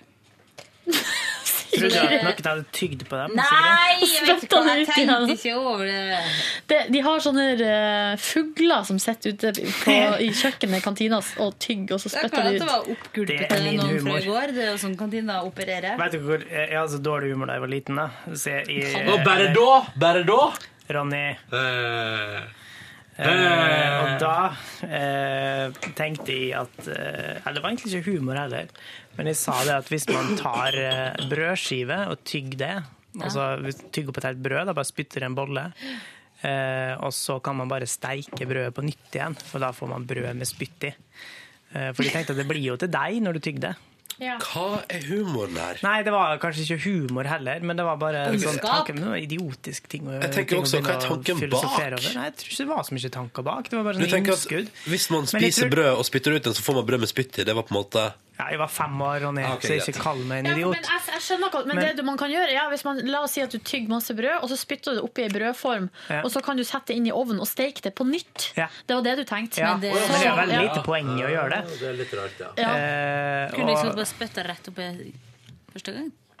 Ja, I igjen, ja. ja. Altså, spytte, altså bare putte spytt i, i deigen. Ja, hvis det var det Ja, sånn, var Da slipper du den runden med å steke det to ganger. Da kan du steke det bare ja, én gang. Jeg gjorde det aldri. Det var bare en ting jeg sa. Men jeg tror det var da jeg oppdaga at eh, altså jeg fikk et sånn bevisst forhold til mine egne tanker. Ja. Og da tenkte jeg sånn "Ah, Nå må jeg skjerpe meg. Det går ikke an å gå rundt og tenke sånn som det der. Ja, Så riktig. slutta jeg med det. Slutt å være rar. Da du var fem år. Nei, men jeg ble mer bevisst på det. Jeg husker, jeg hadde jo eldre søsken, så jeg ble sånn oppdratt på den måten. Jeg lærte liksom sånn triks og sånne ting eh, litt før alle andre i barnehagen. Men brukte, brukte de å lure deg sånn? Ja, De lurte meg til å gjøre jævlig mange rare ting. Ja. Blant annet så hadde vi en leik som gikk på at de skulle blande ting, ingredienser fra kjøkkenet. Ja. Og så skulle jeg drikke det, for jeg drakk jo alt. Jeg gjorde jo alt for å oppnå deres gunst. Så det var du sånn merk med salt og pepper og jo, hjortetakksalt og alt var oppi det. Vi lurte lillebroren min til å spise tabasco. Det var artig. Ja. Jeg brukte Etter, vanlig etterskoletidsaktivitet Ja. Hver mandag så hadde vi, eh, var foreldrene mine borte etter jobb, så da måtte jeg lage middag og sånt til broren min. Og så brukte jeg å si sånn Vil du ha saft? For det var veldig sånn «Woo, Saft, ikke sant? Gi den litt saft, som var god. Ja. Så bare vil ha noe mer. Gi den noe saft med noe fæl smak. Oi. Og så bare «Øh», Og så gi den god saft og fæl saft om hverandre. Og så holder det på! Stakkars småsøsken. Ja. fader. Og så fikk jeg jo kjeft, for jeg ødelagte respekten for politiet til min lillebror. Hvorfor det? Fordi jeg drev og sa sånn Snut der ut. Hvis du ikke sånn. gjør det, så kommer politiet og tar deg. Og en gang så tok jeg til og med og ringte eh, politiet liksom da og sa at de hadde sett den gjort litt sånn og sånn. Og en gang så, han, så fikk jeg han til å gå på butikken for meg, ned, liksom nedom den haugen vi bor på. Ja. Eh, For jeg gidder ikke å gå sjøl. Og så sa jeg sånn, du må gå forsiktig, for jeg var jo redd for broren min òg, samtidig, ikke sant? Og det var jo biler og trafikk der. Ja, ja. Du må gå forsiktig, fordi jeg kjenner ei gammel kjerring i den blokka, og hun kommer til å følge med på deg, og jeg ringer hun etterpå og hører om du har sett deg til høyre og til venstre og til høyre og til venstre 20 ganger før det går over på fotgjengerfeltet. Så ubehagelig du er, da. Og når han kom tilbake, så ringte jeg da til ei venninne som jeg hadde avtalt med. Og med en gang han tok telefonen, og hun sa sånn 'Ja, du var flink', så du gikk Så sa hun sånn 'Jeg hører hvem det er, det er jo Mari'. Ja. Så skjønte han at det var bestevenninna mi, da, som Ja. ja da. Så mye rart man gjør. Tenk fra man er null år til man er 16 år. Ja. Eller 15 år. Det er ganske, det er ganske lenge. Ja. Det er en lang periode. Og så gjør man altså så mye rart. ja. Tenk på det. Det er litt hele rart. perioden føles mye lengre enn resten av livet òg, fordi jeg føler at årene bare går fortere og fortere. og fortere. Ja. Jeg oppdaga at altså, Jeg har en veldig god venn som jeg har kjent i ti år. eh, Som har en eh, kompis som jeg ikke kjenner så godt, men som jeg kjenner litt. grann. Men så oppdager jeg plutselig at han har jeg jo kjent i fuckings sju år. Enda jeg føler at jeg har hatt et helt liv med han der førstekompisen før, før han, eh, han nye vennen hans kom inn. Ja. Liksom. Jævlig rart. Rart, ja. Jeg skal møte noen venner nå på, eh, på lørdag, som jeg studerte med på Blindern. Og eh, vi har vært Og det her er, det er jo mine nye venner. Ja. Men vi møttes jo da jeg var 19 år. Ja. Så det er ni år siden. Så vi har vært venner i ni år! Ja, farsken. Faen, det er helt drøyt. Ja, det er fuckings drøyt, ass. Veldig lenge. Jeg tror kanskje vi skal ha dagsfylla på lørdag. Håper Men kanskje det dukker opp noen unger der, for det er jo typisk det at det dukker opp unger etter hvert. Oh, ja? I Skal du lage til folk. noen? Oh, ja, sånn ja. Nei At det kommer noen, det er noen unger som er med. Ja, ja, ja. Kan jo drikke litt for det om. Ja, litt, men man må ikke bli ufin og, så begynne, og da først begynne å snakke til ungene. Du må snakke med dem først, sånn at de er trygge på det. og så eh, kan du snakke mindre og mindre utover kvelden istedenfor å gjøre det omvendt. Ja. Lurt. Er det et sånt generelt tips? Ja, fordi at hvis du først sitter der og, med solbriller eh, og skravler med alle andre, og så når du begynner å bli full, begynner du å spørre ut ungene om ting, så, så tror ikke de skjønner helt hvem du er. Så du må først etablere et godt forhold til barnet. Det gjør jeg alltid. Si hei, hei, altså i hvert fall uh, vise hvem jeg er, og så hilse litt, og så, sånne ting. For da blir ungen litt varmere i trøya. Uh, og så heller, når det begynner å li på, så går det an å ikke forholde seg så mye til eh, det lille barnet. Det jeg kan huske Og hvis det lille barnet viser veldig mye tillit, da må du ikke drikke så mye. For da Nei. blir liksom du et av holdepunktene på festen. Ja, det er sant. For det jeg kan huske fra jeg var Jeg har ikke så mange erfaringer som barn på plasser der folk har drukket, men de få som er, det jeg kan huske som jeg syns var ubehagelig, eller ikke ubehagelig, men rart, var at voksne folk som til vanlig er helt flat i sitt følelsesregister, plutselig blir sånn derre kjempeglad og flirer og er sånn. Og så plutselig så er det noen som begynner å skrike. Altså sånn, en unge skjønner ikke de der toppene og bunnene som uh, drita folk får. Det virker så uforståelig, da. At uh, Man skjønner ikke hvorfor folk er så glad. Og så skjønner man etterpå ikke hvorfor noen sitter og skriker og er lei seg. For det er bare så rart. Ronny? Ronny har fasa ut. Han eh, orker ikke være med på det her. Når jeg sitter og tenker over, jeg sitter nå og hører på, kjære vene. Du gjør det, ja? Hva du tenkt over der, Ronny? Tenkte over eh, at jeg egentlig syns kids bare er generelt skummelt. Å ja. ikke drita folk, men Så du må- unger. du må drikke velger til meg mot. drita folk over kids any day. Du må drikke til mot når det er barn der. Ja, ja, ja. Pleier alltid å drikke meg til mot, og så kommer jeg bort og bare That's how I roll. That's how I roll. Jeg syns jeg husker, jeg synes det var alltid Nå var det liksom ikke de store festene eh, der jeg var til stede som barn. Eh, Men eh, jeg syns det alltid var litt morsomt. da, Fordi at eh, vi hadde noen sånn tullete liksom liksom-onkler, da, eller venner Ja. til mamma og pappa, som Ja. jeg syntes var forferdelig morsomme å prate med. Mm. Og du likte når de ble litt bedugga? Ja, for de, tull, de tulla ikke så mye med meg, da. Det gjorde de først når de kom til festen, liksom. Så var jeg sånn 'hallo', og så prata litt, og så kunne jeg så flire litt. Og, men eh, de ble altså øsete seg imellom, og det syns jeg alltid var morsomt. å høre på. Og det verste jeg vet, er å leke med ungene foran bestemor mi, for hun har så masse sånne tanker om ting at det er helt det er sånn, Du må ikke stå der på sida, da får den- da blir blir den hva heter det for noe, sjeløyd. Og hvis du gjør sånn, så blir den Hva for hvis Du må ikke stå på siden, du må stå rett foran hvis du skal leke med et barn. Barnet. Så bare masse sånne greier. Hun tror da Nei, hvis du gjør sånn, så blir den tjukk, og hvis du gjør sånn, så blir den blind. Og hvis, så, nei, det er mye rare greier. Så utrolig slitsomt. Ja, man må ikke Ja. blande seg opp i når folk Men, leker. men før i tida, det er det jeg tenker det er så rart med gamle folk, for de har så mye rart for seg. Ja. Men da de var unge, røyka og drakk over en lav sko mens de var gravid, og kjørte med ungene uten bilbelte i bilen. Og, Det var ungene- ikke, og lekeplassene var ikke sertifisert det var helt sånn helt måte. utrolig uansvarlig opplegg. Men hei, de voksne opp, de også. Ja, det gikk jo bra, det gjorde det. Men barnedødeligheten har jo gått veldig ned, da. Av lekeplassene som har eh, Nei, på grunn av alt. Alt eh, sammenlagt har jo gjort at eh, det har gått ned. Ingen dør nå. Jo, nå noen må jo dø ennå. Og jeg, jeg, av og til når jeg leser avisene, og måten enkelte klager på og, og trøster og bærer, så virker det som at vi i Norge nå snart forventer at vi ikke skal bli syke. Ja. Og vi forventer at det å være syk Altså For oss så skal det å være syk Det skal være dødsdeilig. Og det skal være behagelig, og det skal ikke være fælt. For det er jo noen overskrifter som var sånn Det å være dødssyk var helt forferdelig. Så er det sånn Ja, men eh, det ligger jo i hele konseptet, det å være dødssyk. Det kan hende du er dødssyk uten å merke noe særlig til det, da. Ja, men du skjønner hva jeg mener. Ja, ja, ja. Altså, folk, og så er det sånn, og folk klager på at foreldrene deres dør på sykehjem. Så Ja. er det sånn, ja, men det er, det, unnskyld meg, men det er grunn til, altså når du er på sykehjem, som oftest, så er det siste stopp. Du dør på, for å komme deg ut derifra. Ærlig Ja, man talt. dør på sykehus. Der òg. Av og til. Altså, noen må jo dø. Mm. Det er jo hele poenget med livet, er jo at vi, det skal ta slutt en dag. Klag og klag og klag og klag. fordi sånne gamle folk det er så mye, de, de dør jo veldig mange av dem dør jo av kreft, og sånn, og det har de jo alltid gjort. Men i dag så liksom er sånn, Nei, det var tarmkreft, eller det var dit eller datt. Men egentlig så er det jo nesten det samme som å bare bli gammel. Skjønner du hva jeg mener? Ja, men det har jeg hørt. Jeg vet ingenting om det her sånn ordentlig, men jeg har hørt både leger og sykepleiere si at når et menneske lever lenge nok, Ja. så får det kreft. Ja, til slutt. Og hvis det lever lenge nok, så blir det dement. Altså sus, susa det i hodet og, og glømsk. Det er nesten, Og så er det enkelte som er utrolig heldige, som lever til de er 100 år og er helt friske i toppen, og er friske ellers, og så plutselig så kanskje hjertet eller at det er et slag eller et eller annet som gjør ja, at det, det bare er liksom, stopp. det er på en måte en sykdom, men du er så gammel at det liksom ikke Man driver ikke og liksom opererer og styrer og sånt. Apropos gamle folk, jeg kan fortelle at jeg i går var jo og møtte min nye Ja! gamle venn! Ja! Hvordan var det? Det var eh, greit. Jeg var veldig nervøs.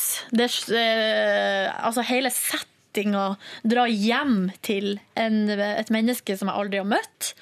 Hvordan lukta det? Eh, du, det var veldig, re, veldig rent og det var veldig sånn typisk, eh, typisk sånn gammel damebolig. Og veldig rent og, og pyntelig. Pent og pyntelig. Har du hjemmehjelp. Hjemmehjelp. Gjøre ting. Hjemmehjelp. Men det var, eh, så var det litt sånn skummelt bare det å liksom skal gå hjem til noen og bli kjent. Og at man liksom skal, hele konseptet er jo litt sånn rart. Men jeg må jo gå inn med det da, med åpent sinn, og bare eh, Ja, så det var veldig bra. Satt og skravla, drakk kaffe og spiste wienerbrød. Åh, godt, såpass i formen, altså. Ja da, det ja var da. jo godt. Da. Ja.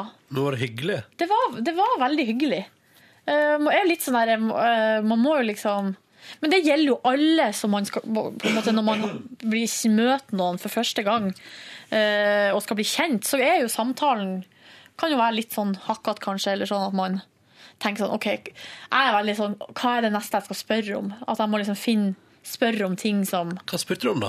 Nei, det var jo sånn eh, Ja, bare sånn hvor, har du bodd lenge i Oslo?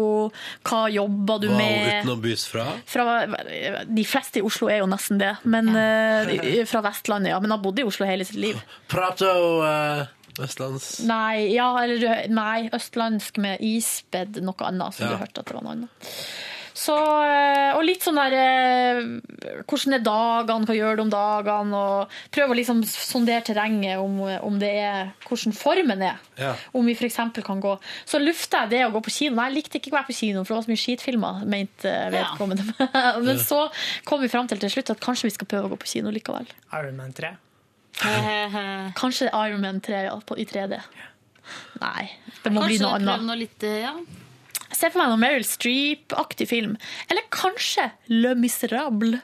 Ja. Eller kanskje det kan være noe. Eller hva det for noe. Jeg vet hva, Den triste filmen der som bare handler om at uh, de ligger og dø. dør i den Ja, det- leiligheten, nei, det, orker jeg ikke. Det er veldig hyggelig at du får besøk av på for eksempel date nummer to. Da, så er det sånn, Nå skal vi gå og se en skikkelig bra film som handler om at et eldre par venter på døden. Ja. Kjenner du deg igjen? Kjenner du deg igjen? Tar du referansene? Ja. Uh, Gjør det, Silje. Nei, jeg skal ikke gjøre det. Og så snakker vi om at vi skal gå på teater, kanskje, og musikal. Oi! For det er jo litt sånn fordi eh, Sånn som eh, eldre folk har jo muligheten til å gå på sånn omsorgssenter og sånn kafé og eldrekafé og sånn der man kan Men, men, eh, men det er liksom det. Hun sa jo at hun er nesten aldri ute på kvelden lenger. Fordi at det ikke er noen som kan gå i lag med. For at hun syns det er litt ekkelt å gå alene og litt Ja. utrygt. Og, Ja. ja. Så, da, så det er liksom der jeg kommer inn i bildet, da. Men altså, da, når dere gjør sånne ting, da er det bare sånn at du betaler for deg, og hun betaler for seg? Og så, ja. Ikke at det har så mye å si, men ja. Der er det faktisk ganske strengt. Jeg har jo vært på kurs. For eksempel, jeg får jo ikke lov til å Selv om jeg har lyst til det og er, og er ærlig og ikke er noe lureri, så får ikke jeg lov til å eksempel ta kortet hennes og PIN-koden og gå og handle. Nei. Det forstår jeg. Ja, men så det er jo- jævlig Ja, det, var, det er vanskelig for gamle folk å følge med på sånt. da. Ja, for det... akkurat det at Selv om jeg har ærlige intensjoner og ikke kommer til å gjøre noe og kjøpe for eksempel en pakke sigg til meg sjøl når jeg først er der på hennes kort, så En pakke. For det som skjer da, er at hvis det kommer pårørende eller sånn inn i bildet, og så sier den gamle sånn Ja, men hun driver og fer rundt med mitt kort hele tida, så kan de tenke OK Pluss at det finnes jo gamle, snille folk som er helt paranoide. Nei, hun stjeler! Hun Ja. ler, hun stjeler! Ja, Ja. De kan bli helt rare. Og det er derfor altså. man må bare si sånn ja, nei. Hvis du skulle sett at du skulle i butikken og kjøpe flakslodd for henne, og Mhm. sa hun, kjøp et til deg sjøl òg, du. Og så hadde du vært i butikken, og det viste seg at den personen som jobba eh, i butikken, sa ehm, Her er at dette her, det, det her vinner du penger på. Silje Moe. Hva slags lodd hadde du gitt til den gamle dama da? Nei, jeg vet ikke. Men det der er jo helt usaklig, men for det skjer jo sånn Det går jo ikke an. Jo, det kan selvfølgelig en person i butikken si Men Det er jeg ikke er sikkert jo- at det er sant, men at personen sier det her. Det her vinner loddet. Det går fint an. Ja, kanskje han er synsk eller noe? Jeg er jo i men etableringsfasen. kan være dum, for eksempel. Da. Eller uh, bare Fordi de vet, de vet vel ikke det, dem? Nei! Ikke sant? Det er jo litt av poenget, da. Men om, om Silje da skulle ta, gått for det hun liksom har fått tips om var vinnerloddet, eller om hun skulle gitt det til den gamle dama. Nei, jeg vet ikke. Det er helt umulig. Jeg må, eh, Men vi får jo ikke lov å ta imot gaver heller fra de gamle. Oh, for det er noen som har lyst til å gi gaver fordi de blir så glad. Ikke lov å ta imot. Fikk du tilbud om gave? Ikke i går. Eh, Ikke like fyrstekake engang. Jo, altså innenfor rimelighetens grense. Ok, Men ikke smykker og sånne ting som Liv Signe Navarsete mottok? Nei. Nei, det var ikke en det splitter Haga? ny Det iPhone. Signe, ja. Det og så hadde Jonas Gahr Støre han som fått masse tepper fra Afghanistan. Ikke lov å ta imot det heller. Var ikke det også Når det var hoved... Var ikke det også har det gamle teppet fra Afghanistan! Så sånn, nei, nei! Får ikke lov! Ja.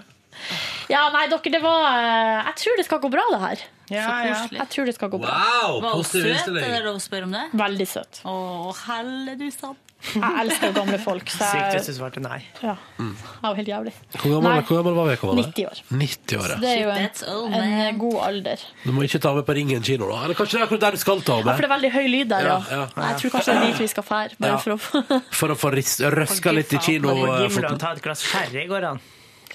Unnskyld, Ja, nå lagde jeg sånn Gimle naselyd kino er podkasten. Det beklager jeg. Gimle kino er jo en kino i Oslo der man har alkoholservering. Ja. Og det er sånn gammel stil. Det var jo der jeg var og så Amor, og da var det jo det var bare gamle folk der. Og vet du Ja. hvem som var der? Nei. Georg Anker Hansen. Ja, det sa du, tror jeg. Han var der. Sånn type Er stemning ikke var det. Georg A død? Jo, men Toralf Maurstad var der. Nettopp, ja. Jeg syns så synd på hun, kona hans, for at hun er jo ikke så gammel. Så skal hun gå på sånn seniorkino i lag med Toralf Maurstad. Det er bare gamle folk. Kanskje det er sånn at de der også, men- Kanskje derfor hun er sammen.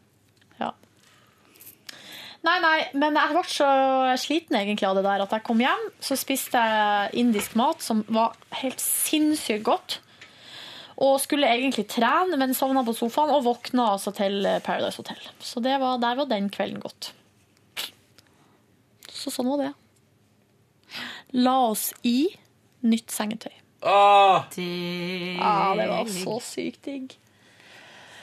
Ja. Så det var egentlig eh, Av og til ryker kvelden. Av og til ryker kvelden. Av og til gjør det i kvelden. Men jeg følte når jeg hadde fått eh, vært besøksvenn og frivillig eh, først, så var det nå greit. Ja, det vil jeg si er veldig Ja. Jeg synes du, du, du har jo oppnådd eh, mer enn man kunne fått til ellers på en sånn dag. Ja. Viktigere, viktigere iallfall. I går eh, Skal jeg bare ta det kjapt? Ja, vær så god. Oi, hva skjedde? Rodney, sett på musikk. I går hadde jeg først en helt vanlig dag der jeg dro hjem fra jobb sammen med Silje. Altså, Vi dro ikke hjem sammen, da, men altså, vi satt på samme buss. Ja. Skravla litt, og så jeg tok jeg og gikk eh, over en liten, lite fint parkanlegg. Altså et lite komma fint parkanlegg. Ja. Og satt meg litt på den fine, det fine parkanlegget og kikka litt inntil det ble litt kaldt, for det blåste. Og du satt ute på en benk, Ja, liksom? på en Er ikke det andre dag på rad at du sitter utendørs etter jobb? Jo. Eh, men eh, første gangen så var det at da satt jeg på verandaen min. Men nå satt jeg frem på pynten, som vi kan kalle det, oppå der jeg bor. Eh, nydelig, da. Og jeg kjente vår Altså, det der vinden som er nå, det er vårvind, vil jeg si.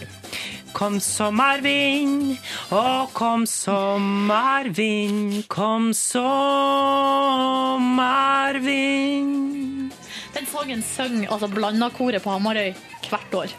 Det bæres i bleike daga, en bønn mot den kalde sno.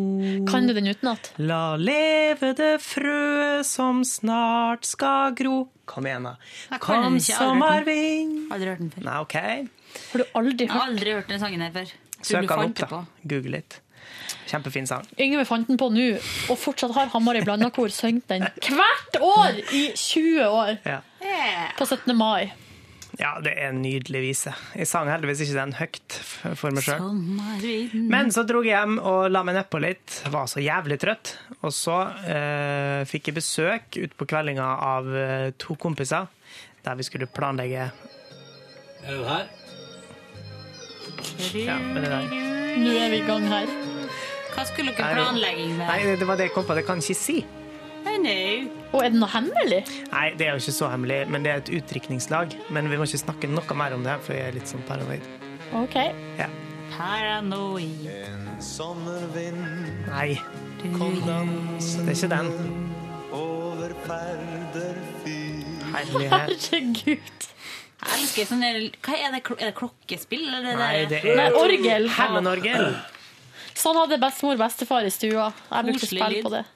Brukte du å spille på det? Det minner meg Ja, om jeg min sang, favorittsang. var Det ikke noe flink. var julekveld i skogen. Er det din, da? Alle låter som heter et eller annet sommervind, er sånn som går sånn her. Som er sånn taffel i starten. Nei, nå søker du bare. Var ikke det den samme sangen som i stad? Jo, jeg tror jeg jaggu det var. Den heter Kom sommervind. Det man kaller en floing. Det bruker best. Å ja, den sier at det kom sommervinje. Ja. Ja, det er jo litt rart. Hvem er det som har den? Nei, altså, det er mange Helene Bøksle. Helene Bøksle blant andre, ja. Å, vi skal til Irland! Vi skal en aldri så liten tur over til de britiske øyer. Pussig valg av instrument. Store brød. Store brød.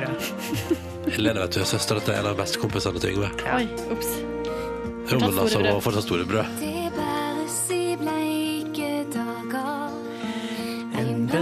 bønn den kalde sno. Aldri hørt det.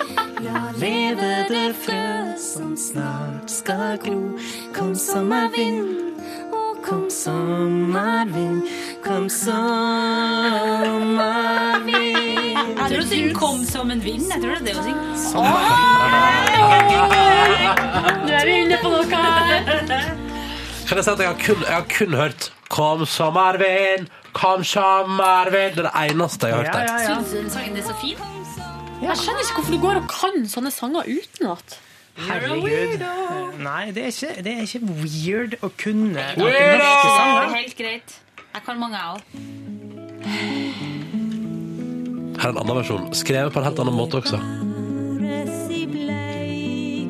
Det der er litt deprimerende igjen. Nei, det er melankolsk og vakkert, Ronny. Å ja, er det det det er? Åh, jeg tenker alltid deprimerende når ting er sånn. Ja, etter at du satt og chilla på parkanlegget og planla utdrikningslag som du skal prate mer om. Nei, det, jeg fikk jo besøk av to kompiser, så vi ble sittende der da og nippe til vin og øl og skravle om, eh, om eh, planene våre, og det blir kjempemorsomt, tror jeg. Har veldig trua. Skal dere spille paintball? Niks. Er du sikker på det, at dere ikke skal det? Mm. Ok.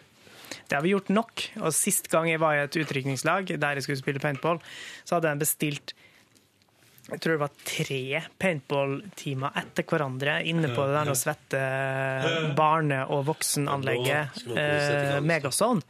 Eh, og da var jeg så lei. at Men Var det ikke sånn laser tags, eller var det Nei, og det er jo én ting, for det går jo an liksom å springe rundt og, og synes det er litt morsomt. Ja. Og eh, paintball ute i skogen kan òg være litt morsomt, for da går det an å liksom gjemme seg litt vekk, spille litt taktisk. Mens når du skal inn i det der trange rommet som er så svett, og, og skyte på hverandre med, med sånne kuler, i kanskje da til sammen en time, da eh, er du lei. Da er det ikke morsomt å leke lenger. Skjønner. Mm. Hva med gokart? Det er jo dødsartig, da. Ja, eh, det er mulig at vi skal gjøre noen sånne aktiviteter, men vi tenkte nei, jeg kan ikke snakke mer om det. Hva med Oslo, uh, Oslo Gladiators? Nei, det har jeg Hva med vært Disney på. deg? Hva er det publikum der? Hvordan var det egentlig? Nei, altså Oslo, Det er vel på samme Megazone-grad, der har jeg vært. Eh, og det, da, var, da var det først paintball, og det var jo ganske morsomt. Men det var paintball i da ti minutter. Og så var det to timers opplegg nedi der nå, kjelleren. En svett kjeller der vi skal drive og klatre gjennom sånn hinderløype og oh, herregud. Sånn slå på hverandre med, med sumodrakt. Ja. Og det er jo litt morsomt, det, men når man har gjort det en gang, så gidder man ikke gjøre det en gang til. Nei. Så, det, så lenge jeg sitter i planleggingsfasen, så Det der er så jævlig farlig, fordi hvis jeg en gang skal gifte meg, Mm. så må altså, det må sørges for at utrykkingslagkomiteen er ikke en gjeng med idioter. Ja, men det er jo du som sørger for, Ronny. Da må du bare velge en forlover som du stoler på. Ørjan, Jeg vet ikke om jeg kunne stolt på Ørjan, for han kunne booke noe paintball, tror jeg. Leif. Si det, jeg er Ikke keen på paintball. I, før du vet ordet av det, så står du der i kukostyme og blir pepra løs på Ja, ikke sant? paintball. Vet du. Ja, ja, ja. Mm. I kukostyme, ja. Det tror jeg det ville så Eller så, eller så er du på sånn platestudio og skal synge inn vår versjon av Heal the World. Ja, ikke sant? Ja. the world. Jeg tenkte på Heal the World. Ah, ja. Heal the world, make it a better place. Du kommer. Jeg kan være en venn. Jeg ser at du faller. Den likte jeg så godt. Men det er jo ikke noe mindre weird å like den enn å like Kom sommervind. Nei, det sier dere bare fordi at det, det er en yngre Du vil reise eh, artist igjen. som er Det er ikke en yngre artist. Jeg kan være Jo, altså det er jo, ikke, det er jo ikke rart at man husker den, Yngve, for at den ble jo spilt masse, og den er jo ikke så veldig Den er jo ganske ny. Ja. Og det ble et ekstremt mediefenomen. Jeg vil si at det å, Hvis du kommer sommervind, er det like rart å kunne som å kunne den som de lagde for eh, tsunamiofra i Japan. Husker dere den? Nei, den som kom, nå the, får du the Earth is. Trembling av er Trine Rein og co. to- Nei. The Earth is Du sier trembling! du bare for å provosere. Ja, Det skal det er ikke jeg vite på. Det stemmer, så er det kun for å provosere. Og så sier jeg det litt fordi jeg mener det òg. Nei, du mener ikke det. For det er forskjell på en fin melodi og en stygg melodi, og det er forskjell på en fin tekst og en dårlig tekst.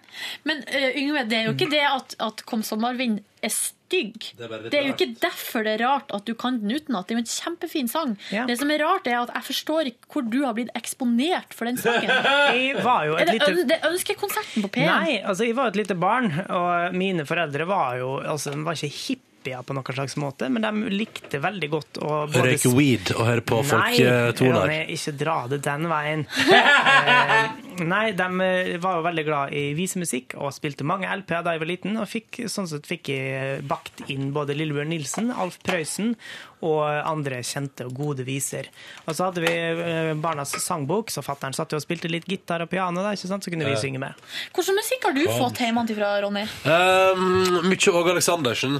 Eh, og så fikk jeg jo, skal vi se, nå skal jeg finne fram, favorittlåten til mamma på en periode tidlig i livet mitt. Åh, jeg gleder meg. Eh, og det er vel ikke, skal man si, hva skal man si, det smitter over, og det, den dag i dag er det litt flaut, da. Kan jeg bare si min mens du leter? Ja. Eh, pappa digga låta 'Wake Me Up Before You Go Go'. Ja, den ble også spilt her, Du, du, altså. du, du, du, du. Ja.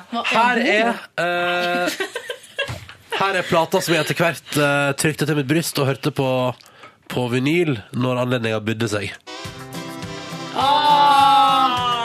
Men at han var fra Bergen, det merker jeg at det trengte ikke jeg å vite i nyere tid, for det gjør dette her enda tristere. Fy faen, den er kul! Har dere sett eh, når Dan Børge skal introdusere Franklin på På Momarkedet. Å ja, Boom Boom Badilla Life. ja. Skal jeg finne det klipp fra Momarkedet? Ja, og mens du gjør det, så skal jeg fortelle at han pappa han har jo uttalt på et tidspunkt at han ikke liker musikk. Men likevel så har han kjøpt alle albumene til Elvis. Så de har vi hjemme. Ja, Altså, så er alle Elvis, ja. utgivelsene som Elvis har. Og det er utrolig overraskende mange. Er ikke Elvis og Bruce Springsteen og sånn litt sånn for deg som sier sånn Jeg liker egentlig ikke musikk så godt, men akkurat det setter pris på. ACDC. Ja, men jeg, jeg tror ikke han, han hører ikke på det. Nei, han bare skal så ha det. Han ba, ja, han bare skal ha det.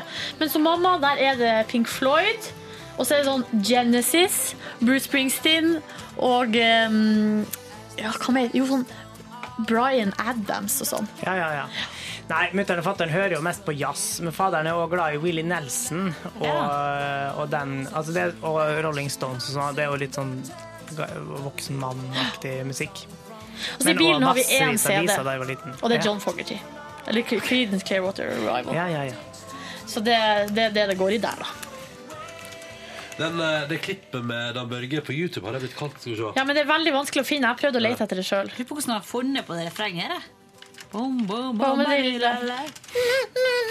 Hør nå. Du er jævlig god, da. Wow! Høres ut som sånn eh, Jeg har øvd på det. Wow! Det der var imponerende. Ja, Det der var jeg som gjorde det med bare munnen min, må jeg jo si. Ja, det? Oi. Interesting. Takk. Men Ronny, hva gjorde du i går? Ja, da. Han var og han hooka opp og ble sokka av Bettan. Nei. Ja, du, jeg har den her, jeg har den her Ronny. PC3. Nå er spent. Ja, det spiller nå. Ah, ja. Sorry, feil PC. Ja, det blir spennende. Publikumsbilde. Der. Her er det altså så mange forskjellige musikkarter på bomarkedet. Michael Bolton, ja. Men hva gjør en gutt som fra, fra Mysen når han møter en kar som er fra Bergen? Det er helbom, det er ikke bare helbom, det er bom-bom, og de får dilla, og, men de er live. De er live her. Franklin, bom-bom-bom, bombadilla live! Den introduseringa der er pinadø meg på høyde med det beste fra utlandet. Ja, ja. Det er på, det er på høyde med det beste utlandet. Vil dere høre hva jeg gjorde på i går, sier Ja! dere? Er dere sikre? Ja. Ja! Ok. I går så uh, var jeg her på NRK, og eh, etter at jeg var ferdig med å gjøre Alle duene? Hmm? Er det Alle duene med Lillebjørn Nilsen? Nei, nei, nei, det er en hyggelig låt. Uh, hyggelig låt. Ja, okay. Jeg uh, traska her fra mitt kontor. Gikk i sånn her tempo. Traska liksom ut av bygningen, inn i en annen bygning. Men hadde du sånne små mellomsteg da mens du gikk? Ja. Der du liksom trippa? Som en geitkylling. Ja. Hoppa som en geitkylling bortover veien og plystra på en fin melodi.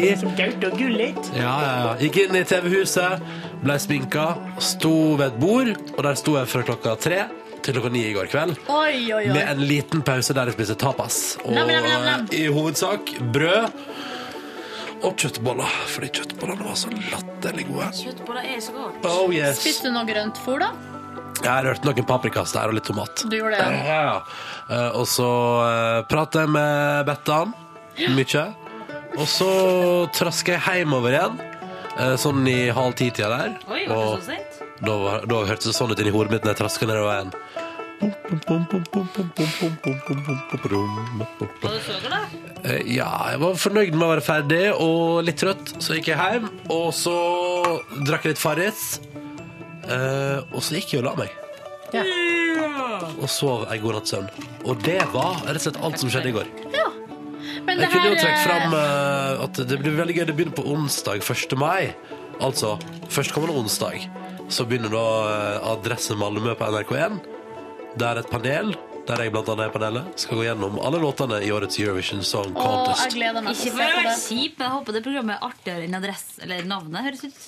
Du, de program, Jeg har alltid brukt å se på de programmene. De er dødsartige. Er ikke det gøy, da? Nei, jeg har ikke sett på, dem. jeg skal se på det i år. Det heter jo bare det, fram, det heter alltid Adresse, og så heter det noe nytt. Så i fjor Ja. var det Adresse Baku! Men uh, det som toppa seg i år Jeg skal spoile litt Eurovision her nå. eh, er Altså, for å si det sånn Han Cæsar fra Romania leverer altså En, eh, Det er sånn kanskje type det verste jeg har Olje-fyr. Hæ? Jeg ser for meg at han har olje på seg. Jeg vet ikke. Han er en bra fyr, ass.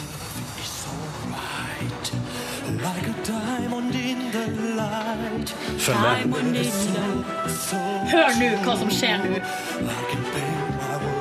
For du tenker sånn Å, han synger helt middels kult.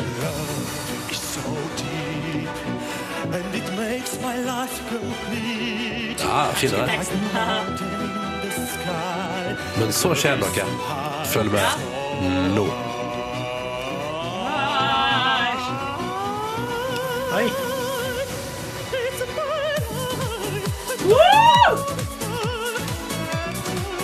Er det samme fyren? eller Ja, ja samme, samme fyren. Og sånn går det resten av låta. Det høres ut som en dame som synger opera. Ja. Yes!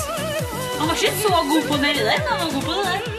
Dette er visstnok ifølge Didrik Solli Tangen et ekstremt vanskelig å få til, og han gjør det faktisk teknisk godt. Men det betyr jo ikke at det er noe fint. Nei, nei, nei. nei. Unnskyld meg. Og danseren der òg er på noe. Det høres kjemperart ut. Ja. Så se vi finner dubstep-partiet. Ja, for at det er helt Her, ja.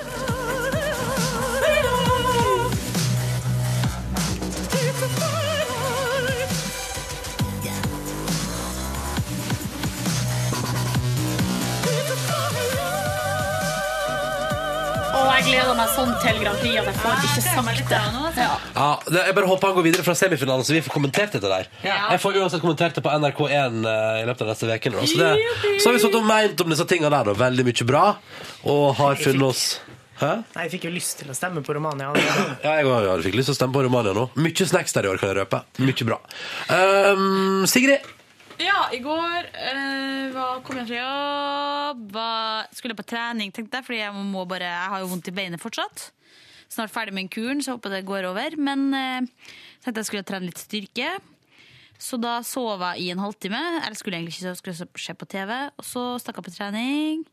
Så var jeg der og var med på en styrketime. Så gikk jeg hjem eh, sammen med min samboer. Spist eh, thai, kylling, eller sånn der på den thaisjappa. Fra Thai Takeaway. Oh, yes. Jeg var der her om dagen, vet du. God stemning. Så det var digg. Og så satt jeg og eh, skrev litt på noe greier og greier. Og greier. Og så, ja.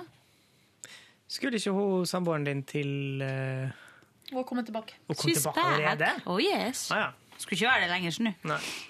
Så det gikk jo bra, det. Men eh, så spiste vi, ja, og så la jeg meg klokka ni. Og jeg har aldri vært så, Imponerende. ja, og jeg sovna ganske med en gang. Og likevel så er jeg så trøtt. i dag av og at til det er blir helt av og til utrolig. backfire av det. Ja. Det var det jeg skulle gjort i går. Jeg ble sittende etter at de var gått. Å ja. Vet du, jeg husker den ene gangen vi var sånn Vet du, vi, vi, for vi skulle, jeg husker ikke det var et eller annet arrangement i P3. Jo, Radioresepsjonen hadde show på Rockefeller, tror jeg det var. Jingle- Jingleshowet sitt. Ja, ja, ja. Med etterfest. Så da tenkte vi nå skal vi være litt eh, rause mot oss selv. Og så teipa vi opp til, frem til klokka åtte med P3 Morgen dagen etterpå. Så du kunne møte på jobb ti på åtte og ha sending derfra. Og så var det som resten opptak. Og jeg har aldri hatt en så tung dag på jobb, og det var ikke fordi jeg var full eller noe, og jeg var tidlig hjemme fra festen. Men det var fordi jeg fikk de ekstra timene med søvn, så alt bare rakna i flere ledd. Jeg husker Da tok jeg et legendarisk bilde av Ronny den kvelden, der man kan se så langt ned Du brøler og Ja, ja. hyler sånn mot Ja. kamera at jeg kan se så langt bak i munnen din at jeg tror nesten vi er nede på organ, liksom. Ja, ja, Det, det jeg showet der hadde jeg lett billett til, men jeg kunne ikke dra dit. Hvorfor kunne du ikke dra dit? Fordi at jeg var jo i Volda da. Skulle ha eksamen. Så jeg fikk jo eh, gjestelisteplass fordi jeg var i praksis i P3. Men så måtte jeg dra fra Oslo til Volda for å ta eksamen. Gikk glipp av showet. Ja. Det var det showet da jeg fikk eh, strengeblikket av Bjørn Eidsvåg, for jeg ble stående litt bak og spøke, spøke med, sammen med Martin Beyer-Olsen, fordi at en av sjefene våre sto og holdt en rørende tale om Radioresepsjonen, og da sto jeg liksom og var snurt bak og sa at jeg har aldri fått så fine ord og sånne ting. Eh, og da plutselig snudde Bjørn Eidsvåg seg mot meg. Hadde et lite glass rødvin som forsvant i de store nevene hans. Og så på meg med blikk som sa sånn Nå holder du kjeften din. Ble du flau, da? Ja, vi kniste selvfølgelig, jeg og Martin. Ja, det er det Og tøffe gutter gjør, vet du. Ja. du. sa det. Nå kan jeg si en ting om det, da? Fordi Hvis du ser for deg at på måte Bjørn Eidsvåg ikke kjenner deg, Ja, ja, ja. eh, for de gjorde ikke sånn da Helt med på Eh, og, så, og så står du, og så er det en tale der, og så hører du bakfra. Ja, ingen av dere har holdt en sånn fin tale for meg. Da hadde jeg jo snudd meg og tenkt sånn Hva faen er det du driver med? Ja, jeg snakker ikke så høyt, da. Um, Tror men, du? eh, Nei, jeg gjorde faktisk ikke det. Men uh, det var jo selvfølgelig for å lage oppstyr uh, mellom meg og Martin. Uh, og jeg skjønner jo kjempegodt at Bjørn Eidsvåg ville sende meg hold kjeft-blikk òg. Jeg bruker å sende sånne blikk. Jeg tar ikke fem øre for å gjøre det. Nei, jeg gjør det. Jeg gjør det. Mer fra gårsdagens Sigrid? Nei, du sov, du. boring. All right. Så var vi gjennom alle, da. Skulle Ja. ønske jeg kunne melde noe. Har ikke noe å melde.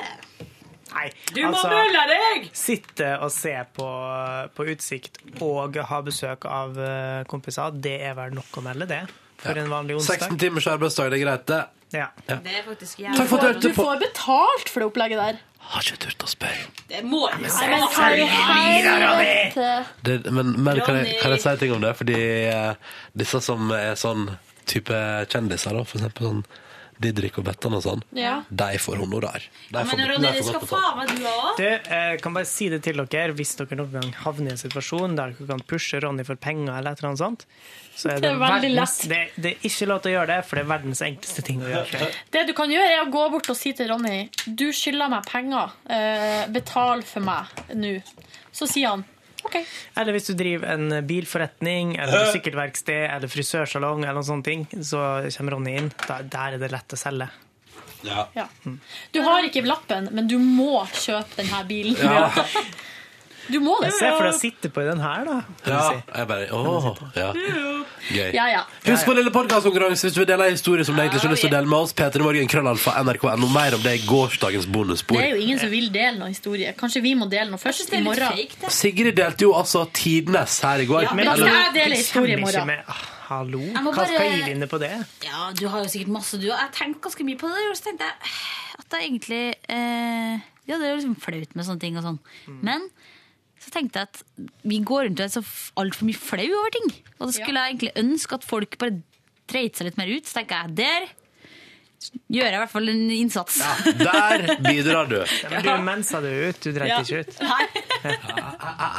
P3 Morgen etter nrk.no. OK, vi gir oss for i dag. Vi snakkes til nydest i morgen, og da er det freitag! Hurra!